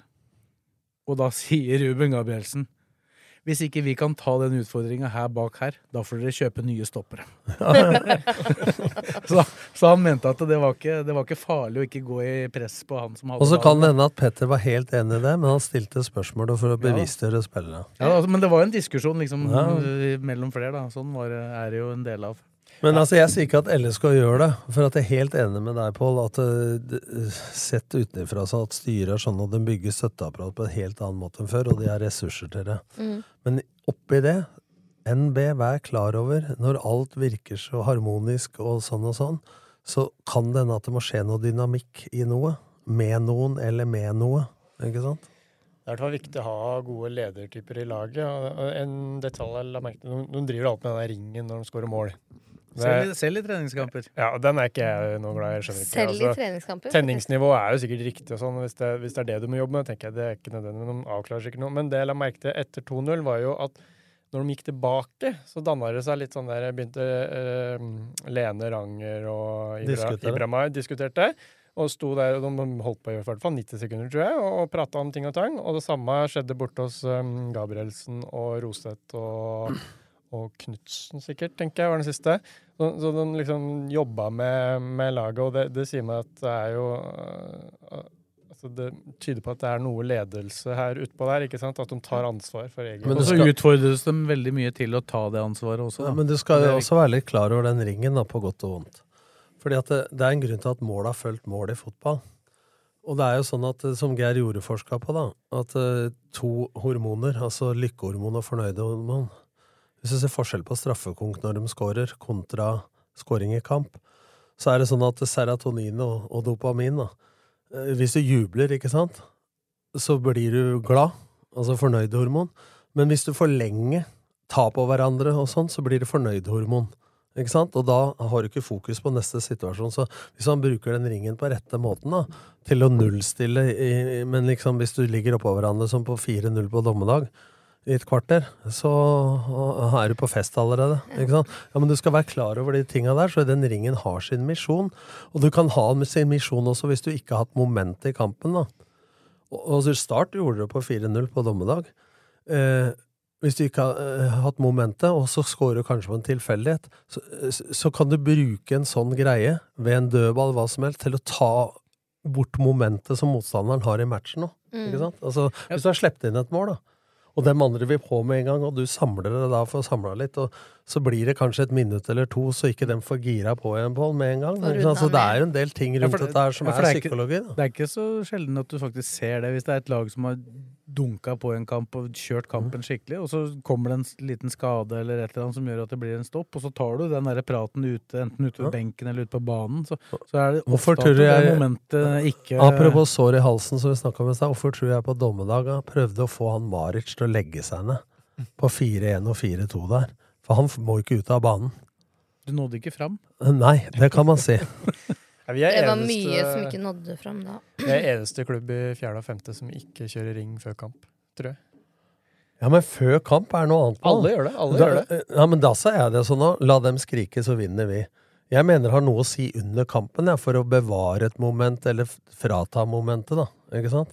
Og få nullstilt. Men før kampen Den kan jo skrike inn i garderoben, da. Eller Ja, alle, alle gjør det i fjerde og femte. Ja. Legg merke til det. Ja, for de, de tar etter som slengbukser. Skårer gjorde det ikke, men de rykka ned, da. Så da Jeg tror ikke det var nå er oss. Men det er jo mote, det er mote og ikke mote. Ja, nå er det i hvert fall mote, da. Så da er vi Ja. mot moten i. Men jeg ser jo det at det har hatt noe å si når de har gjort det. Men så kan det drøye veldig lenge noen ganger òg, da. Eh, som du sier. Altså, de står her, og dommeren må Men se, dommere har begynt å akseptere det, så står de ved siden av. Og så lenge, lenge, og så begynner de å jage dem tilbake. Skal vi bevege oss litt videre, da? Fortsatt snakke om LSK. Pål André Helland, juniortrener eh, Det er jo helt fantastisk. Ja, Fordi er det det? Fordi han er en knakende god fyr som er bra å ha beholde i klubben. Jeg syns han eh, gir godt inntrykk på, på Viasat, i hvert fall, som mm. ekspert. Men eh, Nei, det, men- er, det er jo bare et minutt han får TV til deg, på en måte. Så Jeg så jo den videoen, jeg vet ikke om det var LSK som la ut, eller om det var det eh, LSK. lokalavisa mi. Men nei, det, nei, det var det var LSK, ja, hvor de filma han og Ordinas. Ordinas, ja. Uh, som hadde en litt sånn velkomsttale til gutta, og det, jeg likte det jeg hørte. Jeg tror det kan bli veldig positivt. Og jeg sa ikke fordi fordi jeg var fornøyd, men jeg er litt opptatt av Når folk sier at det blir veldig bra, så jeg er jeg litt opptatt av å vite hvorfor. Og jeg applauderer og hyller det, fordi at uh, i fjor fikk han dessverre mer innvirkning i en garderobe Mm. og på treninger. Han satt og sykla på treninger på ergometersykkel og dirigerte folk og tok seg av de unge spillere og alt sånt. Så én, som Pål sier, uh, han vi- men jeg mener det at jo kortere tid du har i Viasat, jo mer kvalitet må du vise på kort tid. Så jeg mener jo at det analytiske evnet han viser på de korte tida, til å være formidler, det vil si at du prater ikke så mye unødvendig ord, og, og straight to the point, og så prater han så Ola, Kari og tanta på Tveita skjønner det. Du må nødvendigvis ikke ha Uefa A-lisens og pro-lisens for å skjønne det. Og så har han den autoriteten i den personen han har, har vært, og ikke minst blitt i Lillestrøm-miljøet. Så de ser, han får litt forsprang i forhold til Ole Olsen, som skulle tatt laget. Men han har autoriteten, sin- ja, autoriteten, sine han, er, eh, han har omsorg, han har erfaringer, Altså, helt gull å sette han i den rollen der. Er det en idé at vi reiser til Tveita og så møter du tanta, eller? Det er mest omtalte tanta jeg veit om. Ja, ja, men det er, et, det er bare for å Jeg skjønner uttrykket. Det er bare for å utvikle Ola og Kari litt. Jeg trodde jeg var den mest kjente tanta i Lillestrøm, men hun fra Tveita tar meg igjen nå, altså. Du når ikke ut til Tveita til ankla. Og så har de replikken. Det, altså ha trenere med replikk. Det er verdt noe, det òg. Men, men han har jo fersk eh, fotballerfaring, da. Eh, og Det er en risiko kan, der. kan, ja, men han, kan, han har jo på en måte vært litt sånn trener i tankegangen ei stund allerede, da. Noen er jo litt trenere mens de uh, Som Ronny Deila, også. som Ståle Solbakken. Også. Ja. Men du nevnte omsorg, Mm. og det er viktig i den alderen. Ja, for det er Men- unge, eh, ja, men, skjøre ja, men de er 19 år, da. De kan spille Det er gutter, da. Ja, Sorry, men ja. Martin Ødegaard debuterte på A-landslaget da han var 15. Men eh, i tillegg til omsorg, så mener jeg det at det beste med det er at han eh, veit hva som kreves. Mm. Det jo... Så, så det gir troverdighet når han melder noe. Det er greit å gi det en sånn type arena. Da. Altså, det finnes jo Premier League-klubber som kjører spillere rett opp til Frank Lampard. Og, altså, det er liksom, Ja, da, han, uten noe han, han går jo tross alt til et uh, ganske Et langt, langt knepp ned uh, sammenligna med hvis han hadde kasta han rett inn i Eliteserien. Liksom. Det er jo et helt annet nivå. Men- Han skal utvikle seg, og de han Da er skal utvikle trene, skal da er jeg enig med Ivar Hoff, da, for det er mange som har gått rett inn. Eh, Vi ser eksempler på fotballspillere som setter seg i et TV-studio og tror at eh, du kan bare formidle til folk, og tanta både veit det, eh, fordi om de har spilt mye fotball. Det er mange som tror de kan holde foredrag fordi at de har utøvd det sjøl, osv. Så, så, så det er ikke noe automatikk i det. Så Ivar Hoff sa vel en gang at han burde øvd seg som oppmann i Bærum litt først. Sant? En eller annen trener som kom rett inn i Eliteserien. Men flås til side, da, så tror jeg det at Steinar Pedersen gjorde det i LSK. Ronny Deila trente Birkebeineren osv. Altså at, eh, jeg har snakka med flere spillere på høyt nivå som har blitt trenere, som istedenfor å hoppe rett inn, har trent lag på yngre så i lavere divisjoner parallelt med at de har spilt. Og det gjengangeren i det de sier, er at jeg begynte å tenke annerledes som spiller når jeg begynte, å trene som, øh, begynte som trener. Fordi at du ser helheten på på en helt annen måte enn når du Jeg har hatt spillere som har spilt 40 U-landskamper, som ringte til meg og spurte kan jeg skal begynne å trene et lag nå, for jeg trenger noen øvelser. Ja, hvem jeg skal trene? Nei, All Girls-laget til kjerringa. Ja, de øvelsene greier du å finne på, liksom. Ikke sant? Altså, det var ikke om det var All Boys eller All Nei, Girls, det er ikke nei. det som er poenget. Men uh, det er noen som kan sin rolle, og så er det andre da som, som du sier har tenkt som en trener. Tom Lund var et klasseeksempel på det i 81, han som spiller trente laget. Altså, Ja. får han et lag som trener ofte og mye, så det er jo ikke så langt unna hvis han skal ta steget opp seinere, de der eh, Beste, beste praksis, mener jeg, da, for Mm. Pål André Holland. Er helt nydelig. Win-win. Og det er en blanding av Han driver på en måte en slags spillerutvikling, samtidig så er det et visst resultatfokus på det laget òg. Så det tror jeg er en fin blanding for han, istedenfor å gått inn i en spillerutviklingsrolle eller noe sånt. Altså, det er på en måte trenerutvikling og spillerutvikling satt i, i systemet. Ja, så var det et, et eller annet sånn emosjonelt, da. da tenkte jeg det, at jeg tenkte å bli emosjonell, Wow. Kristina. Eh, det er jo et eller annet mer og når han gikk ut av den garderoben og den siste kampen. Oh, det At, det- ja, det er en eller annen brikke som jeg føler Som har mangla der borte, da, hvis du skjønner meg. Mm. I Ja. miljøet. Han har ikke svart meg på Facebook. Sendt en melding vet, om han vil ha en breddeklubb. Åh. Og Blakeren ligger tynt an der nå! Nei, men eh, det er sikkert eh, 30 klubber som har spurt på han på breddenivå, vil jeg tro. Men uh, hos oss får han i hvert fall trene veldig lite. Så da, det, det, er vel, det er vel gjengs over de fleste steder, tenker jeg. Men du skal altså ikke undervurdere, for jeg jobba såpass lenge i TV 2 og NRK videre, at som Petter Myhre sa også, i en- i podd der, at du ser fotball på det høyeste nivået Men så må du ha evnen til å ikke tro at blåpapir det er det gjør vi i Lillestrøm, eller det gjør vi i Blaker også. Men du ser jo det på nært hold, hvor levelet ligger, og hva Mm. du strekker deg mot. Og det gjør jo han også, eh, når han følger eh, Premier League og Ja, ja.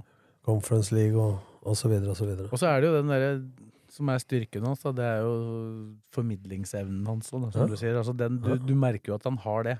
Ja, og så har han troverdighet og selvsikkerhet. De, de, de, de spillere vil jo lytte til ham. Og når, når han snakker, så er det ikke så mye sånn Når folk er usikre på hva de skal si, istedenfor å ta en kunstpause på et sekund eller to som føles veldig lenge. Dette lærte vi mye av NRK i historiefortellinga, så sitter ikke han sånn æ, ø, æ, ø. Nei, det er useriøst. Ja, altså, det er ikke så mye om og men og masse preposisjoner. Unødvendig. Det er færre ord, og det er konkret, og det er tydelig, og så er han flink til én ting til. Når han ikke har analyseverktøy foran seg, så er noe av det viktigste du skal som pedagog, det er å kunne snakke så det skapes bilder i hodet på dem som tar imot. Og dette diskuterte jeg med Lars Bohin senest i helga på en fest hos Terje Høili, og for han sa en gang før når han var spiller, at det er ikke noe vits i at treneren står og roper. Se på han nå som trener. Hvis Ja, du bare, du mener han ja. Men hvis du bare står og roper ting som spillere ikke har hørt før, Mm. så blir det bare frustrasjon hvis jeg snakker til Pål på banen. Men hvis det, det du kommuniserer, skaper et bilde i hodet som du kjenner igjen fra trening Når stopper han av ballen, så skal bekken eller innerløperen sånn og sånn. Altså Hvis du gir noen få ord da, som lager et bilde i hodet på folk Og dette er, han- får han jo perfekt trening på, for han skal jo få da Ola, Kari og Og meg. Tanta på- Tante Tovik. Eller Ja. tanta på Tveita. til å forstå det. Kanskje det er tante Tovik? ja, det skal jeg begynne med. Men det er faktisk en kunst, da. Å ha stor kunnskap, men å tørre å si ting enkelt. For du må kjenne ditt publikum. Jeg veit ikke Pollen om i garderoben på Blaker eller sitter bare Einstein. Ikke sant? Det hjelper ikke å si som Høgmo sa, kunnskapsdimensjonen og kapasitetsdimensjonen. Er det utholdenhet og fotballforståelse? Ja. Så sa jeg til meg til hva det heter på Lillestrøm. Hvor mye skjønner du, og hvor mye orker du? Da har du sagt akkurat det samme, på en mindre jålete måte. Og dette har Pål André Helland. Ja, men det var Helt så, naturlig. Det var så fint det bildet han malte til de gutta, da, at han gleder seg til om x antall år, når de spiller på landslaget, at han skal si at han har vært stolt av at han trente dem. Og det setter jo bildet i huet på disse gutta. Ja. Et mål. Og så kan den, som du sa i stad, fortelle dem litt om hva som kreves. Mm. Og så har han jo da gjennom mange år vært en profil, kanskje vært en av de spillere i Rosenborg siden Mini som har fått mest pressedekning. Og det er klart at han har driti seg ut, han òg, som alle oss andre. Men han har jo fått perfekt trening i forhold til både formidling og hva som lønner seg å si, og hva som ikke lønner seg å si. Og mediehåndtering, ikke minst. Skal vi si at det var eh, bra om Pål André Helland, så kommer vi sikkert uh, tilbake til han. Og så skal vi prate litt om LSK-kvinnene. De de er fortsatt på Marbella, faktisk. Og der uh, skal de spille kamp i morgen. Mot, Mot- Stabæk. Den sendes også på rb.no. som det er sagt. Jeg var jo innom et par av treningene til LSK-kvinner. Ja, da jeg, det, var, det, var, det var jo en litt uh, morsom uh, vandring fra, for det hotellet jeg bodde på. Det var rett ved de treningsbanene som uh, flere av disse kvinnelaga trente på. Og så rusla jeg oppover der, da. I Portobanus. Ja. For, Ja. ja. Rusla opp til Dama de Noche, for de som Ja, jeg kjenner. Der har jeg vært. Der, og det, det, som, det første, første jeg møter, det var jo, ble jo på en måte en vandring i LSK-historien, da. Ok. Første jeg møtte, var Petter Belsvik. Han er Ja. selvfølgelig trener for Stabæk, da. Ja, ja. Ja. Og så, og så neste laget som var der, var Vålerenga. Og så jeg ikke Steinar Pedersen, han er jo sportssjef der. Og din Men- tidligere nabo. Ja, nesten. Og, og Tommy Berntsen vandra rundt der.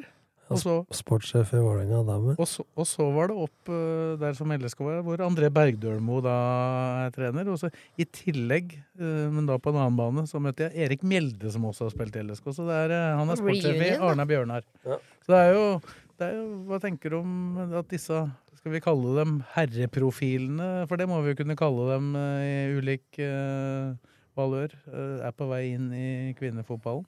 Det viser jo at det blir tatt Ikke fordi de er menn, men for at det blir tatt på seriøst. For, på bakgrunn av erfaringa det har, da, som vil være med på å løfte det.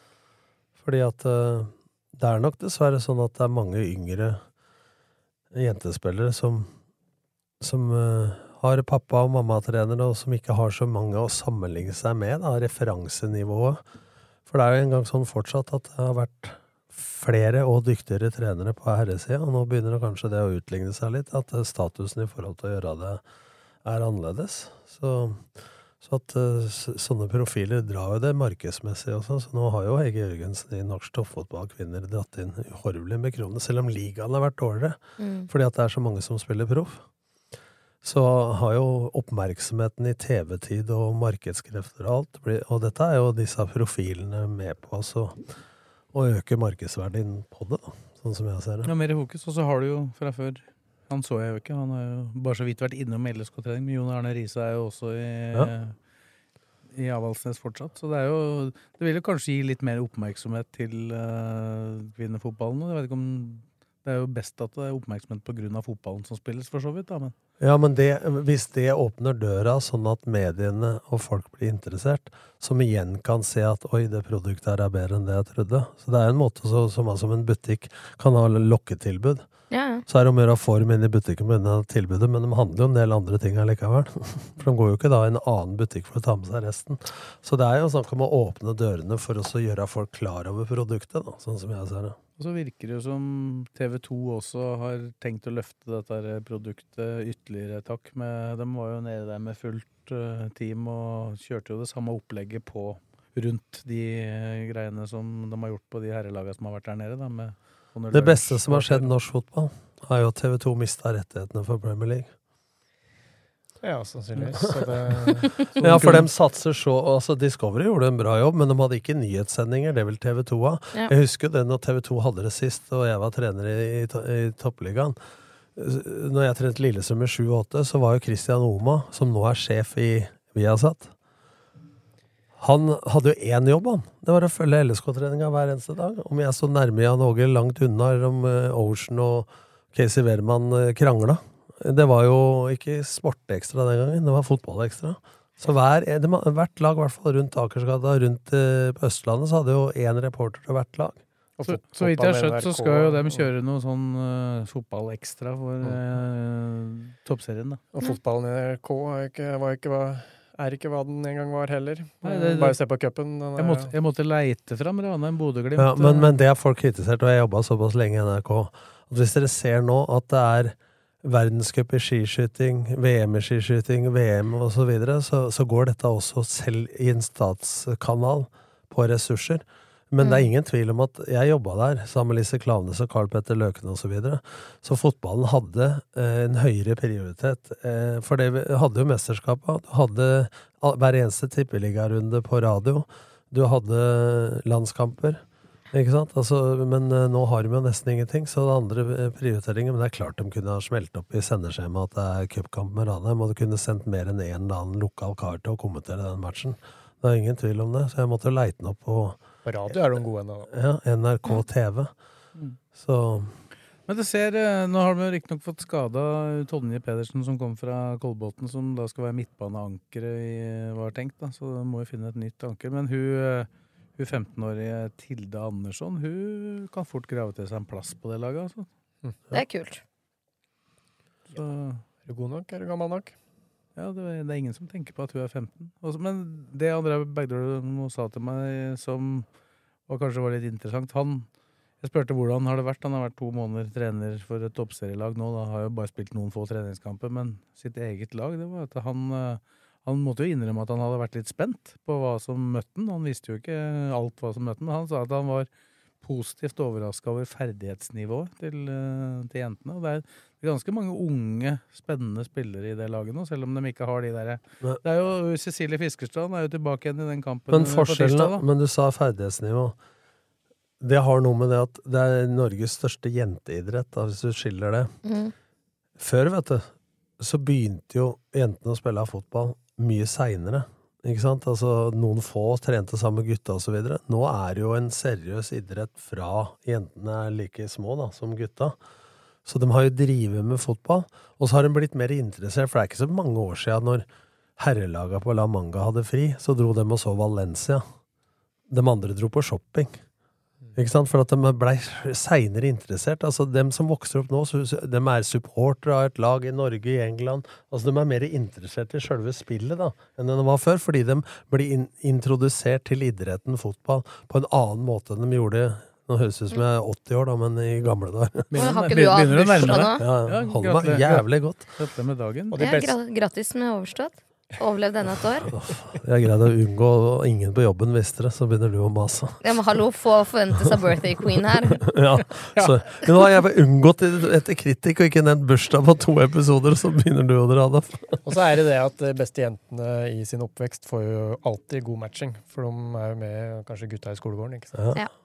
Så alltid en scene, og, og mange av de beste jentene spiller jo på et guttelag. Du så eh, hun som var i finalen i Mesternes mester nå. Jeg hørte en podkast med henne òg, og hvor hun Hun har, hun har trent litt. Ja, altså hun har jo far og onkel. Tor Håkon Holte onkel og Geir Holte. Skiløpere som eh, Vant mest NM-gull, dem. Ja, men hun var jo kaptein på guttelaget i fotball Det er jo dødskult. når vi og det, eh, begynte. Så da, og da har jo ser du mer på lederegenskapene og ikke på kjønn. Da. Det var vel hun som rusla bort til treneren og sa at hun syntes det var kjempeteit at det ikke var noen jente som hadde vært kaptein ennå. Og da er det 'you ask, you get to task'. Sånn er det. Det, men jeg syns jo også, vi sa det sist, at eh, de har greid å snu den negative vinden som var litt rundt årsmøtet og sammenslåing og sånne ting. Så at de skjønner etter hvert nå at det kanskje er lurt å ha sin egen økonomi og, og har fått redskap i støtteapparat Ja. og spillerstall osv. Så, videre. så uten at de har spilt noen kamper, da, så ser det faktisk eh, mye mer harmonisk eh, Apropos bygge klubbhold. Altså det, med, og det, jeg sa at hvorfor skal de løpe overalt etter kunnskap når det fins over jernbanelinja? Men jeg vet ikke når de skal ha årsmøte, men årsmøtet til LSK er jo nå på torsdag. Nei, Ingen innmeldte saker. Nei, ikke på Kanarifansen sitt Det var, jo, det var jo litt sol der nede, men det var jo ei som eh, skinte, skal vi si det, omtrent like mye som sola. Det var Cecilie Fiskerstrand. Hun var uh, oppglødd. Hun hadde gjennomført sin første fire mot fire-økt og var eh, meget eh, glad og fornøyd. med For det var korsbåndskade. Korsbåndskade. Ni måneder siden operasjonen er det vel denne uka her. Kunne født en unge på den tida, jo. Stakkars. Ja, hun prata om ni måneder, og da damer pleier å prate om ni måneder, så pleier det å være om noe annet. Hvordan hun hadde opplevd de ni månedene. Ja. Så det hadde vært tøft, selvfølgelig. Men det er jo landslagskeeperen vi snakker om, da, som kommer inn her og kan ta litt tak. Og hun Mimmi Løvenius, Lefenius er jo tilbake igjen. Ser jo også øh, Det er klart at en keeper av hennes klasse vil også skape mer ro i organiseringa av backrekka osv. Det blir spennende å se resultatene når de drar i gang. Ja.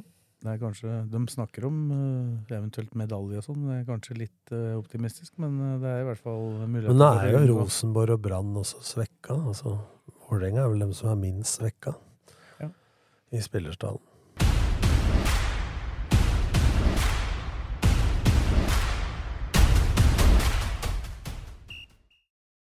Da er vi over i avdelingen for lokalball, og der eh, har vi jo da, som eh, dere har skjønt, ikke med oss Blakeren i dag, men eh, du ser at du er, eh, har lavere puls eh, nå enn du har da Blakeren sitter her, Tom. Ja, det er ikke for at ikke Blakeren underholder, han er jo en nydelig fyr, men eh, er litt løs kanon han og så veit jo alle andre Så vi pleier å skyte på hverandre. Så, så når Toreid her blar opp laptopen og sier han har full kontroll, så er en av merkelige grunn litt lavere puls. Når Blakeren sier 'Hvor er lappen min?' da? «Eh, Kiwi i lappen. Som da Toreid har skrevet på. Ja, det, det, må, det må lytterne få høre. Ta den på altså Kristina lo sist for at han hadde jo lapp, og det har han glemt. Så tok hun fram telefonen sist, og så Kiwi handleliste. Og så greide han å si 'så stygt jeg skriver'. Men fortell bakgrunnen for det der, egentlig. Ja, det var det min, min håndskrift. Ja. Han eh, kritiserte der. Sånn er det. Det er, altså, det er, jeg, Det er nydelig! det er vakkert å repetere det, for da glemmer ikke folk det. Ja. Blakeren han leverer selv om han ikke er her, da. Ja, ja, det er helt, Definitivt. helt strålende. Det er mange, men han skal ha det. Det blir som Jesper Mathisen og flere som jobber i media, at det, det spiller ingen rolle hvor du henter kunnskapen hen. Men det hender noen ganger at det lønner seg. Altså, gi litt kred til dem du har tatt det fra. Altså kilde Ja, han nevnte meg for to ganger siden, sånn, tror jeg. Ja. Men, uh, han, Nevner Bakkhaug oftere, egentlig. Jeg tror ikke vi har forstått omfanget av det her. men han C-kamper, for det gjør ikke jeg. Det har ikke jeg tid til. Jeg har unger og styr og stell. Men, eh, men eh, jeg får med meg resultater. og- Hvis du leser Twitter, så er det jo umulig for Blakeren å få unger, for han har ikke hatt seg siden 2007, står det i dag. Men, men, før- men før vi går løs på det eh, sosiale medier, Blaker Der hadde du Jeg regner med det var du som sto bak den grundige gjennomgang av hele spillerstallen der, eller? Ja, vi tok en liten bildeseanse i LS-kallen. Den så jeg, det var kult. ut. Så da uh, tok vi det kronologisk etter draktnummer, da. Så vi mangler en firer, og så mangler vi en 19, så vi har plass til to mann hvis noen som vil inn. Og så har vi to rørenummer, som er 25 og 77. Ja, men 4 og 19 I fjor, så, ifølge Blakeren, så fant dere jo keeperen på en bussholdeplass oppe i Blaker der. Ja, det var en Norseth kjente det, da. Så det, han fikk vi hyre, men han var topphåndballspiller. Ja, han, han har vært bra, han. Han hadde Ja, tatt ja. ballen med hendene før, han. Ja. Sånn. Nei, han, uh, han, har jo, han har litt dårlig skulder, så han tåler én økt i uka. Det var, det var morsomt. Ja, men det er jo 50 oppmøte, da. Det er mer enn hva vi har hatt tidligere på noen keepere, så det går bra. Det var jo morsomt da Blakeren fortalte at han ikke ante hva han het for noe. Da. For så kom han tilbake uka etter.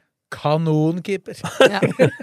Men jeg hører, jo- Vi har sagt det mange ganger, Pål, men han, du var vel der, du, når han- den svensken som er meget bra hockeyspilleren oppe hos dere? Ja da, Han det- ville jo sende hjem han etter første økta i Blaker. Det kommer to sider om den saken i, i boka òg, som, Ja. som dere kan lese.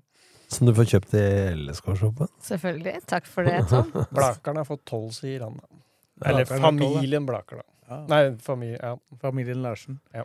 Ja, det, Bjørg, som jeg kalte mora hans. Jeg Heter Sigrun Uten, uten å skryte opp Blakeren for mye, så er det antageligvis fortjent. Jeg er en av håndfull folk som har fått se boka, så det er et mesterverk av Jon Vik. Det er Jon Vik, tidligere RB, sportsleder i Og RB. da veit du at det er kvalitet.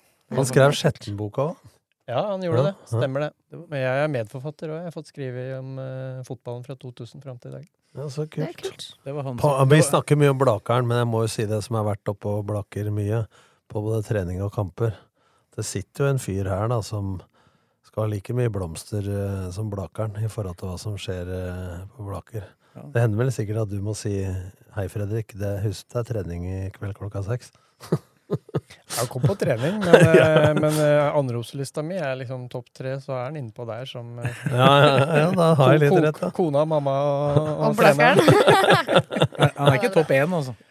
Nei, det er vel Hender han er topp én. når det er- I perioder. Ja, Ja, vi spurte jo her før eh, sendinga begynte om eh, du var Blakers eh, nummer to-sønn, og det dro jeg opp André da, som et alternativ. Jeg har fått, Øyvåg, ja. ja, Øyvåg sier sjøl at eh, du er større, så da er det avklart. ja og du nevnte Jon Vikar, da. Det var han Ja. som ga meg det, mitt første vikariat i ja. Romerikes Blad. Ja, han intervjua meg her på en parkeringsplass om i Skjettenboka òg, faktisk. Han blei jo æresmedlem nå like før jul, da. Ja, han er, Jeg fra, han- er jo fra Blaker. Jeg han, veit ikke om det har kommet med meg. Jeg, tror- jeg minnes å huske at han tok tak i meg her på utafor et kjøpesenter. Hei, stopp litt, da. Han lurte på om den der historien med Blakeren og den der eh, åreknuten, om jeg skulle kjøpe en Todd og starte hest og han, bli skal, han skulle ha litt i boka, da. Ja. Jon var en god sprinter, han. 110 Ja, ja. meter hekk. Jeg tror rekorden hans faktisk står ennå. Jeg tror de øvelsene som han hadde kretsrekord i, de, det var noen på jobben som lagde en uh, sånn oversikt over gjeldende kretsrekorder. Og da var det vel sikkert noe med hekkhøyde eller et eller annet. da. Og de hadde han fortsatt, og da, han blei så forbanna når noen skulle lage sak på det. Å nei! Så det ja.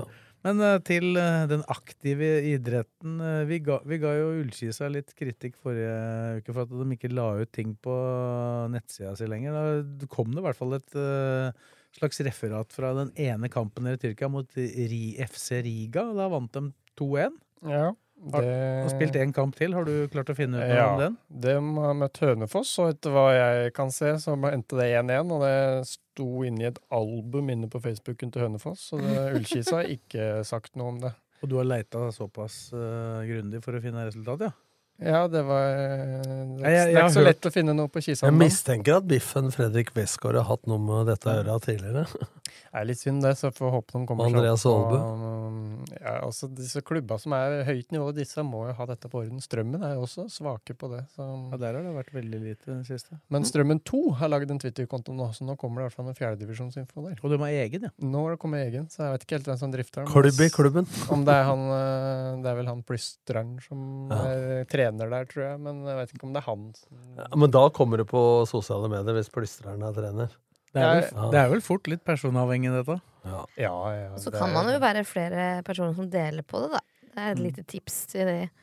ja, jeg, Få noen flere utskremte. Hvis du legger under så- kamper, så er det ofte enten ikke noe eller, eller noe helt annet fra, fra oss. Og da, for jeg spiller jo, så jeg får Ja. ikke Twitter Nei, det er vanskelig.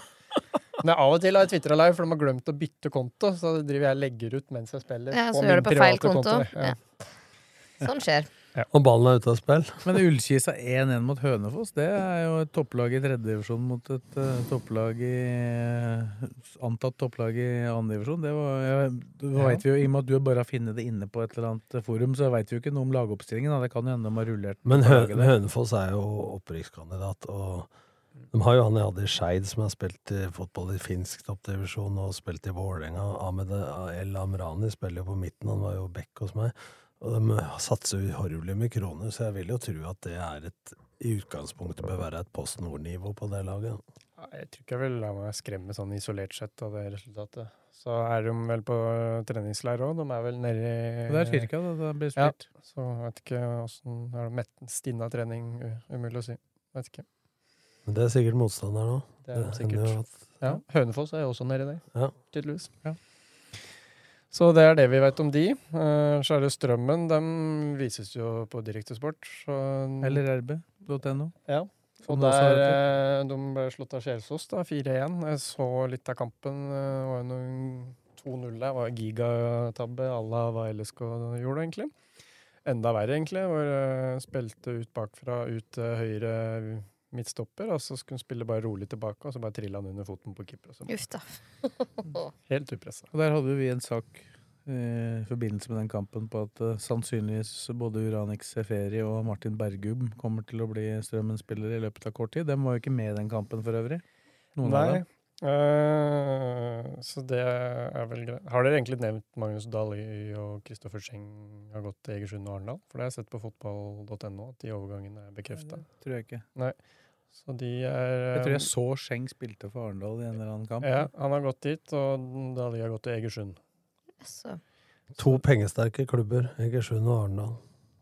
Så, men eh, jeg syns ikke Strømmen Jeg har sett også Ørn-kampen. Jeg syns ikke hun spiller så dårlig, men de skal driver, trener på å spille ut fra keeper. da, Og så står motstanderne klar i bukk rett utafor 16 og hugger til. Og så, og så, så mange av de måla de har sluppet inn både mot Ørn og, og, og nå mot Kjelsås, det, det går på at de bare kåler det til baki der. Og så, og så blir det rør, og så blir det mål. Så det der må de altså, De kan trene på det nå. Er ikke det men- litt sånn treningskampfenomen hos Jo, mange? At når det jo, begynner, jo. alvoret begynner, så kan hende de slår litt lenger. risikoen blir Men litt hvis du øver bare på feil valg, da, så er det ikke bare å skru av det, heller. Jeg har sagt det før, det er bedre å gjøre de rette tinga enn å gjøre tingene riktig. Jeg har fått mange baklengs på det, så det mm, Ja, de har en jobb å gjøre. Så det var det, og så er det vel eh, Hva er vi da? Turn, eller? Ja, vi kan Trea oss trea. Vi har ikke flere i annen, i hvert fall. Oppsal. Turn. På en bane som ikke hadde lang, så det, langside, var ikke måka helt ut, så nå måtte du sette opp kjegler. For, fordi det snøfonna var lukte, inne på banen. Hvor var det denne? Oppsal. Det lukter Oslo-fotball.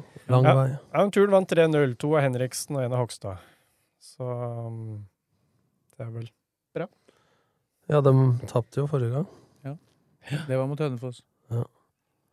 Så det var den. Um, Det, er- det må jeg rette opp nå, for jeg fikk telefon fra Kjetil Rydje her. På Blakeren så er det outa sønnen Lars Ryddi, som spiller i Hønefoss, at han har lagt ut en Ja, twittermelding. jeg visste ikke at det var han heller. Nei, men han. det er ikke han. Nei. Han hadde lagt ut en twittermelding at vi hadde rundspilt uh, Eidsvollturen. Vant 2-0, og vi stussa over resultatet. Det sto ikke noe med Lars der. Nei, altså det var en annen logo bare, ikke ansiktet på en. Og Kjetil var litt harm. Han Sønnen min gjør ikke sånt. og det var ikke han heller, så vi, det syns jeg vi, vi vi må rette opp. Rette opp feil. Rette opp. Feil fra Blakeren. Eh, så har vi uh, hosta opp en eh, Årvoll mot Skedsmo.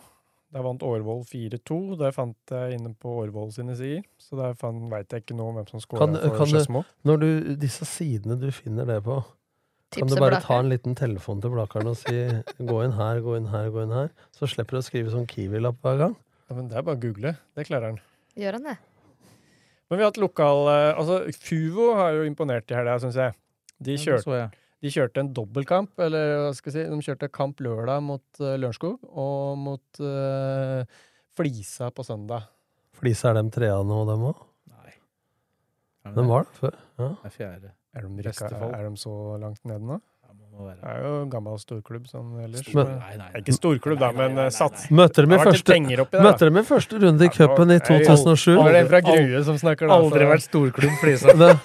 Det, men du møtte Lillestrøm i, med meg i første runde i cupen i 2007. Det Det var- eneste, eneste runde vi slapp i mål, var med Flisa. Ja, Det har vært litt- Det har vært litt penger der som har lokka til seg spillere, det kan du si. Ja, det er en, av, en, en av bestekameratene mine som har skaffa de penga til dem. Ja, pluss en til.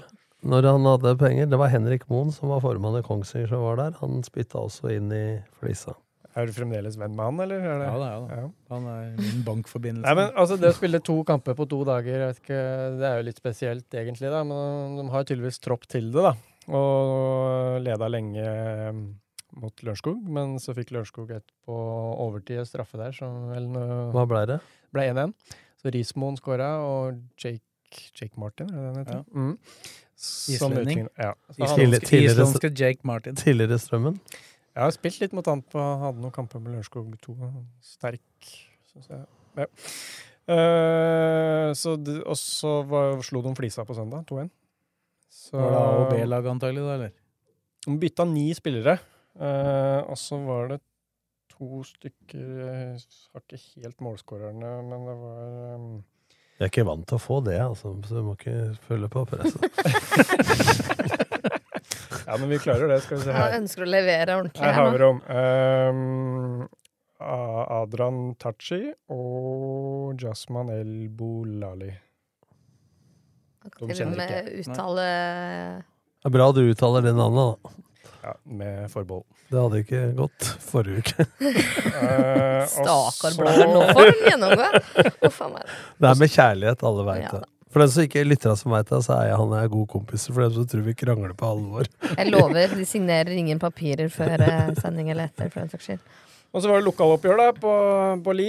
Gjelleråsen Skjetten. Skjetten tok ledelsen på straffe. Litt usikker på hvem som satte den straffa, men, eh, men Gjelleråsen eh, snudde kampen, da. Det er synd. Så det var hvem var det? Severinsen og Bror har ikke skåret denne Nei, det var ikke Bror denne gangen. Det var eh, Severinsen og Norges vanligste navn. Og, eh, hvem var den andre? Jeg husker ikke hvem den andre var. Jeg har glemt å skrive den. Uh, så det er vi vært Mangler vi noen tredjedivisjonsklubber da? Tror ikke det. Nei. Nei, Skjetten og Gjelleråsen møtte hverandre, så det var jo LSK2 igjen, men dem har vel ikke spilt. ja, de har jeg ikke fulgt med på. Nei. Da kan vi gå til fjerde, da. Eh, eller fjerde mot femte. Da hadde vi tidlig til uka Løvenstad mot Fett. Så der hadde jo Løvenstad en, en god eh, eh, periode og leda komfortabelt. Så det ble leda vel 4-0 før Fett utligna to ganger, da. Eh, så det var Våge Sakariassen, Sandum og Klopstad som skårte for Løvenstad. Og så er jeg litt usikker på hvem som skårte for, for Fett. For Rettelse, Tor her. Man utligner ikke to ganger, man reduserer. Reduserer, ja. Det er helt riktig. De to som jeg tror eh, reduserte, da, som jeg uti var altså Løvenstad har jo sånn Vemo-video som jeg titta på, og det så ut som det var Bergan Foss. Det var i hvert fall et brukbart venstrebein. Og da er det sikkert han. Han er jo oppe der som spiss. Og så tror jeg det var en unggutt som heter Lasse Berganfoss. Lasse Ja. Bergan Foss. Ja. Spiss på fett. Han har spist på født, ja. Han var stopper i stallen min i 07. Ja, men han spiller litt stopper, og han varierer litt. Men han i fett de siste åra har han vært mest spiss, men nå har de jo eh, god spiss, så det er ikke sikkert han skal spille det heller. Så, ja. Men eh, jeg tror det er en som heter Niklas Haug som skorta kanskje det andre målet. Jeg er ikke helt sikker, men eh, det er det vi tror, da. Og så hadde, dro Aurskog Hølland dro opp til Gjemselund og møtte Kongsvinger 2. Og det ble 1-1, og da skårte jo han beste på laget der, Martinsen. Skåra den. Eller ja, best eller nest best. Noen som kanskje mener Ola Vestereng er best, men de er ganske gode begge to, i hvert fall. Så, så det er vel et greit resultat. Jeg har ikke noen god referanse på hvilket nivå Kongsvinger 2 har om dagen. Sørumsand, så jeg, nå fikk de jo stryk for dere, da, men da, de driver og reiser rundt på Østlandet og møter eh, motstand fra andre kretser. Ja, de burde aldri Burde jo ikke tatt den kampen mot oss, de. For nå, de jeg litt opptatt av kanskje ikke vise noen referanser. Men de dro til Fredrikstad og Lisleby, og da ble det 3-3 der. Og da stilte de toppa lag eh, med både Jesper Kornbakk og Simen Melby var med, som mangla mot oss. da. Men 3-3 ble det, og Marius Kornbakk skåra, da. Og så er det han Skirsad som er han som har vært litt i strømmen og Skedsmo, som har nylig meldt overgang. Jeg tror også han har en bror som spiller på Sørumsand. Eh, og så var det Servold, da. Skulle ikke hente noen spillere fra Skedsmo, han Gjelsvik. Nei, men vi har jo en der. Altså, Gjelsvik eh, han, og han Kristoffer Larsen, da, som er i Sørumsand, de har liksom en sånn spillerbase som, som bare flytter etter dem. Så den siste overgangen der er han Jonas Nilsen, som så Han tror jeg har bodd litt i Blakke, lurer jeg på. Men uh, han, eh, han har meldt overgang fra Sørumsand til Skedsmo, da. Så han er wing. Motsatt vei? Fra- Sørumsand til Skedsmo? Nei, til Sørumsand fra Skedsmo. Ja. Så han følger etter uh, Gjelsvik, da, ikke sant. Og han meldte jo fra Sørumsand til Skedsmo når, når Gjelsvik flytta andre veien. Så, sånn, sånn Han henter de samme spillerne, da. Ja, sånn, disse Han har en halo, da, disse. Rahim-gutta, og han har jo også hatt disse Fauske Evensen, har jo bytta litt, men de ser ut til å bli De har sikkert vært med på det Ja. possession-kurset. Men hvor hvor er det dem egentlig er fra? Fauske Evensen-gutta er Skedsmo-gutter. Ja, det er Skedsmo-gutter, ja. Ja. men de var i Sørumsand en liten periode? Ja. De kom fra Skedsmo til Sørumsand, var gikk nok sikkert litt lei et eller annet i Skedsmo, tenker jeg. Så, så de var bare ett år, tror jeg, i Sørumsand, og så gikk de tilbake og blitt der. Men åssen er dette med Blake Sørumsand nå? Altså, det forholdet der, Er det litt utvanna etter hvert? Eller i og med at alle går på skole på Sørumsand, og dere ikke har så mye aldersbestemt og sånn som tidligere? Ja, nei, vi har jo ikke noe høyere enn G11 nå, så det er ikke noe, det er ikke noe sånn formelt samarbeid, men det blir jo til at man melder overgang da, til Sørumsand når Ja, hva syns du om det, som er liksom eh, vokst opp med litt mer rivalisering? Nei, altså eh, Vi må jo Altså for utviklingen for, for spillerne på lang sikt, så, så ser jeg vel at eh, det er vel den veien det går, og det må vi ta til oss. Og Jeg, jeg er jo nå trener for det G10, G11-laget, da. Det må jeg ha en kombo. Bare de kommer tilbake til når de blir A-lagsspillere, så er det greit. Ja da. Det har jo vært ganske mange år bedre enn Sørumsand, da. Uh... Ja, men vi har jo, nå er vi jo ingen under 30 omtrent, ikke sant? så hvor lenge varer vi? Det er jo, så vi, jeg innser jo at så jeg har prata litt faktisk med Gjelsvik, og vi må prøve å gjøre noe mer formelt ut av det, få litt mer orden på det. For det er også Sørum IL som har egentlig samme utfordringene. Så, så et eller annet eh, hvor rundt havner Frogner oppi den kabalen her? Frogner har ikke den Altså, Hvis du bor på Frogner, så drar du ikke til Sørumsand for å gjøre dine eh, tjenester. oppe sagt. Du drar jo til Jessheim, eller du drar til Ja, for jeg, jeg må jo si det at jeg, han, Hva het han Kjell Hulby, som var i LSK? Han er daglig leder der. Ja, og jeg var og holdt foredrag for dem her før jul. Og jeg må jo si, jeg har vært der i håndball med dattera mi, og jeg må jo si jeg er ganske imponert av hva de har fått til på anleggssida og dugnadsarbeid og sånn. Det virka som en veldrevent klubb, hvis du tenker Fantastisk bredda. Altså. klubb, Ja. og, men de har jo en gjeldsgrad som er eh, litt i høyeste laget. Da. Så de driver jo hele økonomien sin som et konsern. Da. Så, så når du titter inn i regnskapet deres, og sånn, så er det ordentlige greier. Og så har de helt bevisst valgt å ikke satse på A-lagsfotball.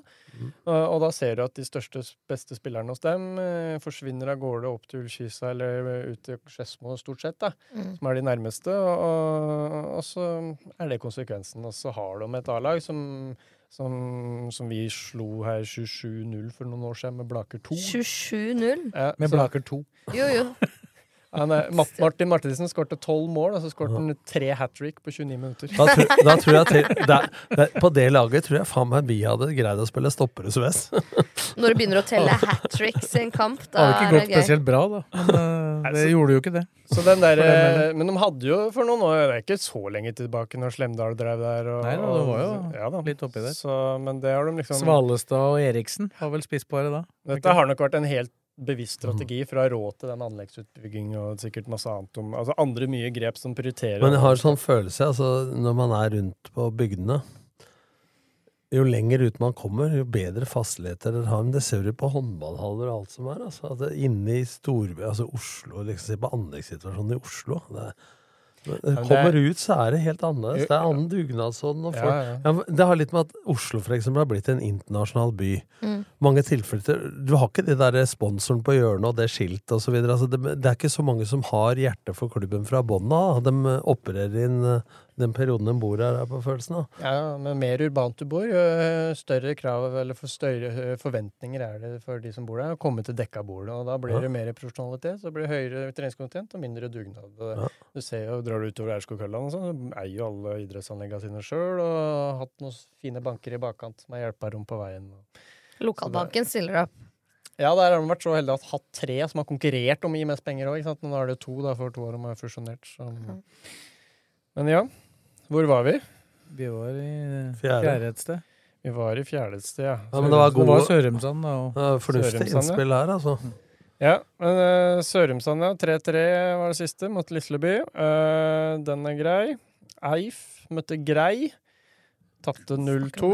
Uh, stilte litt svekka, hadde ikke med seg Niklas eh, Nico Møller og um, André Nordli var ikke med, Dalbo var ikke med, Nesse var ikke med, Lars Andresen var ikke med. Så ja. Vet ikke hvor mye vi skal legge i det resultatet da. Da er kanskje 0-2 ikke så aller verst allikevel. Tenker jeg. Men du ramsa opp halve elveren. Ja, jeg, tr- jeg tror i hvert fall én, to, tre, fire Jeg vet ikke om Dalbo er sikker i elveren, ja, men de andre er jo bankers. Uh, ja, Rælingen har spilt mot Heming. Vant 3-2, så det var en opptur for Rælingen, da. Eh, Flaten, Svar og Rindal. Der er vel han tidligere Det er to Sporten. tidligere Lørenskog-trenere som uh, trener Heming, vel? Er det ikke Julian Madsen og Daniel Vestvang? ja. Men Jeg lurer på om Julian Madsen har en litt, sånn, litt større stilling i Ja. tillegg, Jeg tror Daniel? Vestvang er der sammen med noe. Han Ja, som trente Lørenskog etter Madsen. Daniel Vestvang har jo trent mange år som en god venn fra studietida jeg har. Andreas Jensen, som er nede i. Start. Som, eh, som har vært i Jerv òg. Så mm, de var jo litt sammen i LSK-systemet. Mm. De overtok et lag jeg trente, dem. eh, De vant Norway Cup, tror jeg, med G15 eller G16. Gått jævlig bra etterpå, hørte jeg. Oh, den, var, den var gratis, da. Kristoffer Ayer var på det laget, som de overtok. Ja, ja. Tenk deg det. Ikke sant? Det er kult. Og da er vi på Skal vi se. Og så har vi Fjellhamar. Tapt 2-0 mot uh, Gryny. Eh, og så har vi eh, Skal vi se Da er vi vel ferdig Bøen? Jo, Bøen har jeg ikke noe på, men Kløfta Årnes spilte tidlig i forrige uke, og det, det slo Kløfta. Kløfta er litt sånn derre Ligger og vaker litt i det skjule, føler jeg. Og har litt trua. Altså, dette var jo de Larsen trodde veldig på i fjor, da. Ja, så det- Men eh, kanskje, hvis han ikke tror på dem i år, så kanskje de kommer. For det er veldig stille fra dem. Og så har de nå fått tilbake Adam Olsen, som skårte nå, da. Og Ole Vestheim skårte andre. Men de har også fått tilbake Magnus Hovde, som var langtidsskada. Og Karl André Hovde Titt er en trener fortsatt? Ja, og Magnus Hovde er jo sønnen hans, Ja. som er en veldig bra midtbanespiller. Og han var skada hele fjorårssesongen, så det blir som en nysignering. Og sammen med Adam Olsen, som er en lynkjapp wing. Og inn, altså, da, da, det hjelper jo noe, det òg. Mm. Men, men de har mista noe nå, da. Så kan jo ta det Ha litt overganger òg. Jeg har, litt, jeg har litt overgangsnytt eh, etter hvert her, ja. Ja, og så har vi en kamp i femte. da, Det er Søndre Ørland som har spilt mot Ekholt, som er femtedivisjonslag i Østfold. og Det er tapt hele 4-0, så det roper jo ikke noe sånn varsko utover Romerike, i hvert fall. Tenker jeg. Eh, Så Søndre har jo mista sin beste spiller, og er veldig spent på hva de Ja, begge. Eller jeg vet ikke om de er like gode, da. Nei. Emil er mye bedre enn Eirik. Mm. Men, eh, men det er klart eh, Ja, begge er jo bra på, på femtedivisjon, så, så Gode nyheter for Blaker, dette, da. At de svekkes? Ja. Ja, de var jo var nærmest. De havna på fjerde og vi på tredje, så det var jevnt mellom oss. Og de slo jo oss nede på Bråttvangen 3-0. Så Jeg nevnte vel i forrige uke etter den Sørumsand-seieren over Sørumsand der at dere blir vanskelig å stoppe nå. ja, altså hvis vi orker å være skadefrie og sånn, så får vi se, da. Det er klart, du får restituert litt i åtte uker, da. Ja, men vi må restituere. Vi klarer ikke trening to dager på rad. Sånn. Det har vi sjanseløse. Nei, det er kamp, kamp i morgen. Da er det avlyst trening i dag. Da er det avlyst i dag. Og så Ja. har vi egentlig trening på onsdag, men da får vi se om det kommer noe. Men det er veldig få som får komme i morgen. Så vi har, litt, vi har bra elver, men vi har jo nesten ikke benk. Så vi stiller bra lag i morgen. Så får vi se hva Løvenstad har, da. Nå er det ferske nyheter her. For nå henger det live oppe mens vi spiller inn, en penn oppe på Twitter hos Løvenstad. Oi, oi, oi. Så jeg sendte en uh, rask melding til, til treneren. Um, Jeg tror jeg kan røpe Ja. hvem det er. Vet du? Nå leverer Ja, det. Så- har du hørt å stille her på Jeg tipper det er? Johannes Grøtlin. Nei, det er det ikke. Det er Arber Krasjni. Ja, Ja, han, ja, han, ja, han Ja. er også på vei inn. Han står Ja. på blokka mi, han. Ja, han er den som eh, nå kommer til å eh, Innen denne podkasten er publisert, så tror jeg den er ute. Mm. Han var jeg læreren til på videregående.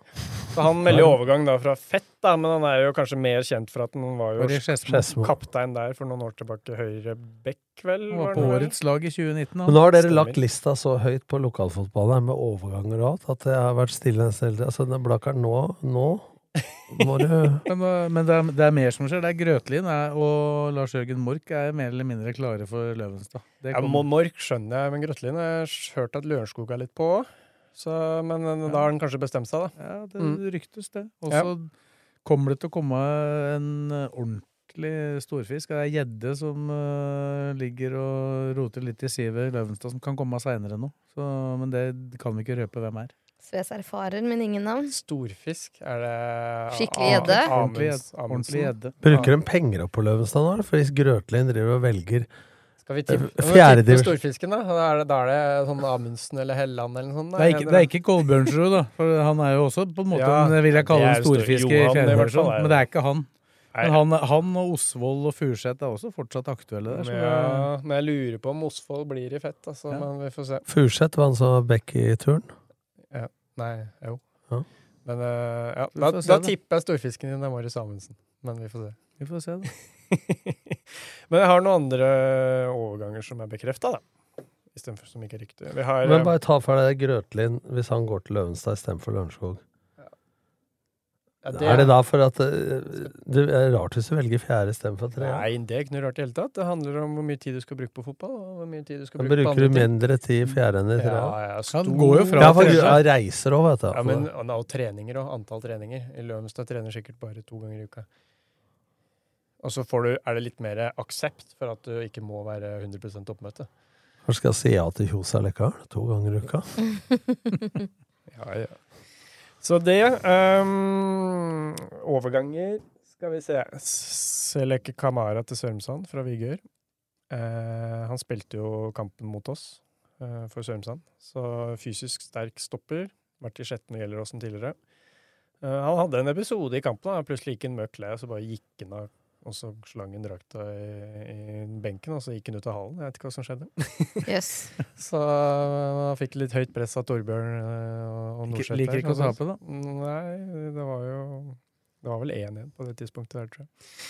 Ja, og, og så har vi en, eh, en Sivert Sjøreide som, og Martin Hansen til VAM. Han første kom fra Eidsvoll IF, men han er nok mer kjent for å spille til Bjerke, hvor han bl.a.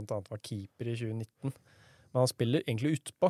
Uh, han er en av de her 15 keeperne jeg prøvde å ringe når jeg måtte stå i mål. Jeg ringte jo heller Romerike på keepere. Uh, og Martin Hansen har spilt litt for Ottestad i fjerdedivisjon i 2019, så han har i hvert fall noe erfaring, da. Men er ukjent fyr for meg. Og så er det en uh, god signering som Eller god, jeg, kjenner den egentlig ikke, men det er en unggutt. En Birk Kvitting Øyan til Fuvo fra Lørenskog. 19 år. Spilt fast på Lørenskog 2 i fjor, da. I fjerdedivisjon. Så, og så er det nevnt Jonas Nilsen, ja. Og så er det Thomas Gjendem Nederland, fra, også til Fuvo. Han kom fra Reddy. Han har eh, spilt i hvert fall fem år i tredjedivisjon i det siste. Eh, blant annet Halsen, Lokomotiv Oslo, Kristiansund, Molde. Så det er vel en forsterkning, vil jeg tro. Så Fuvo Vi har jo etterlyst litt signeringer i Fuvo. Da kommer de, da. Kommer litt nå.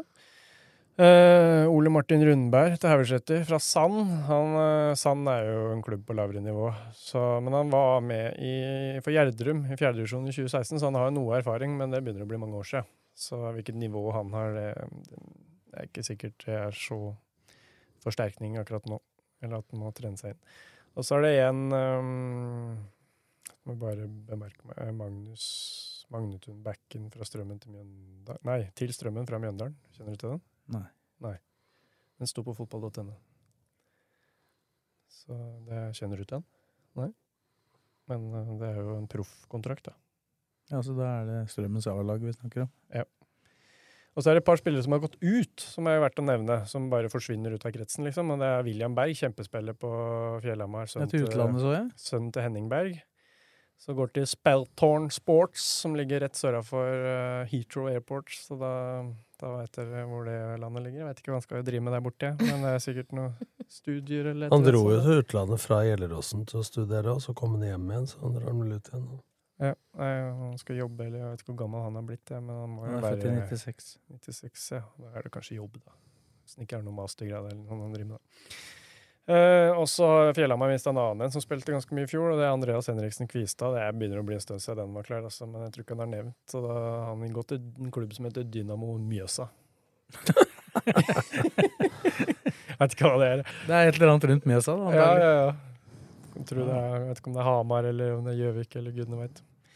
Eh, og så er det en keeper. Kristoffer Gjertsen, Ullkisa til Florø. Han er jo kjent og spilt mange år på Ullkisa 2. Ja. Har jo holdt nullen på Bruvollen allerede, har straffe på Bruvollen. Bra keeper. Så da er han borte. Og så er det en klubbnomade da, som alltid får bytte på, og det er Willy Samble, som har gått fra Kløfta til Vestfossen. Han har vel spilt for sikkert 15 klubber. Han har vært innom noen. Det var uh, lokalfotballen hva jeg hadde. Ja, det var ikke, det var ikke lite, Tom. Det var ikke bare bare. Her, her eh, Jeg har aldri, jeg har aldri hørt deg så stille, nesten. jeg. Nei, jeg er jo imponert. Det er jo full oversikt. Målskår og alt som er. Så. Ja. Skal vi bare ta en kjapp før vi avslutter? da? Vi- Gjennom, vi har plukka ut de fem første matcha som skal sendes fra fjerdedivisjon på rb.no i denne sesongen. Én kamp i hver runde er jo da utgangspunktet. Ullkisa 2 Løvenstad er den første som blir sendt. Hjemme. Det var H, ja. Rælingen Kløfta. Kløfta. Og så er det Haugeseter Fjellhamar. Fjellhamar. Og så er det Gjelleråsen 2 Remnes Årnes. Ja, du hadde resultatet. Haugeseter vinner den, og den andre, sa du? Gjelleråsen 2 Remnes Årnes. Revnet, Den er jevn. Den er jevn. Ja, den er jevn, ja. Uavgjort, Den da. Åpen. U. U. Og så Løvenstad Sørumsand. Runde fem. Ja, den kan være jevn. Hvis, eller hva du sier nå, så blir det jevnt. Hvis de tikker inn disse signeringene. Vi får vente litt. hvis Tabeltipset kommer litt Hvis de kommer inn, så er det seg. Litt Men hvis han skal rekke toget sitt, stakkars, må vi slippe han. Vi får løpe. Ja, da, da kan du gå i beste blakerånd, bare raskt ut av studio så fort vi har trykk på knappen. Skal du ta toget? Jeg skulle Du kan sitte på meg, jeg kan slippe deg på Strømmen stadion. Jeg skal til Blaker. Å ja. Det, da utgår det. Så grei er den ikke, altså. Jeg trodde dere trente på Strømmen. Da var det Blakeren der Ja, og skrøt, da. Avlyst i dag. Det er Kamp i morgen. Ja, faen, du sa jo det to ganger i stad. Takk til Pål, takk til Tom, takk til Kristine. Vi er tilbake etter uh, neste helg. Neste mandag er vi klare igjen. Ukens annonsør er HelloFresh. HelloFresh er verdens ledende matkasseleverandør og kan være redningen i en travel hverdag. Mange av oss har nok vandret i butikken både sultne og uten en plan for middagen, som ender med at vi går for de samme kjedelige rettene gang på gang. Middag burde være dagens høydepunkt. Som HelloFresh kan du nå velge mellom 25 ulike retter hver eneste uke, eller få HelloFresh til å sette sammen menyen for deg. Dette gir deg muligheten til å prøve nye og spennende retter alene eller sammen med familien. Du velger antall porsjoner og får alt levert på døren på et tidspunkt som passer for deg. Oppskriftene er enkle, og maten er lett å lage både for store og for små. Ved å få alt levert hjem får du også mer tid til å dele matgleden med familie og venner. Kanskje det frister med asiatiske tacos eller greskinspirert kylling? Da kan jeg anbefale deg om å gå inn på hellofresh.no. Her kan du bruke koden FOTBALL og få opptil 1779 kroner i rabatt på de første fem matkastene hvis du ikke har prøvd HelloFresh tidligere. Du kan også bruke rabatten hvis du har vært kunde og stoppet abonnementet ditt for tolv måneder siden eller lengre. Gå inn på hellofresh.no og bruk koden FOTBALL. Har du et enkeltpersonforetak eller en liten bedrift? Da er du sikkert lei av å høre meg snakke om hvor enkelt det er med kvitteringer og bilag i fiken, så vi eh, gir oss her, vi. Fordi vi liker enkelt. Fiken superenkelt regnskap.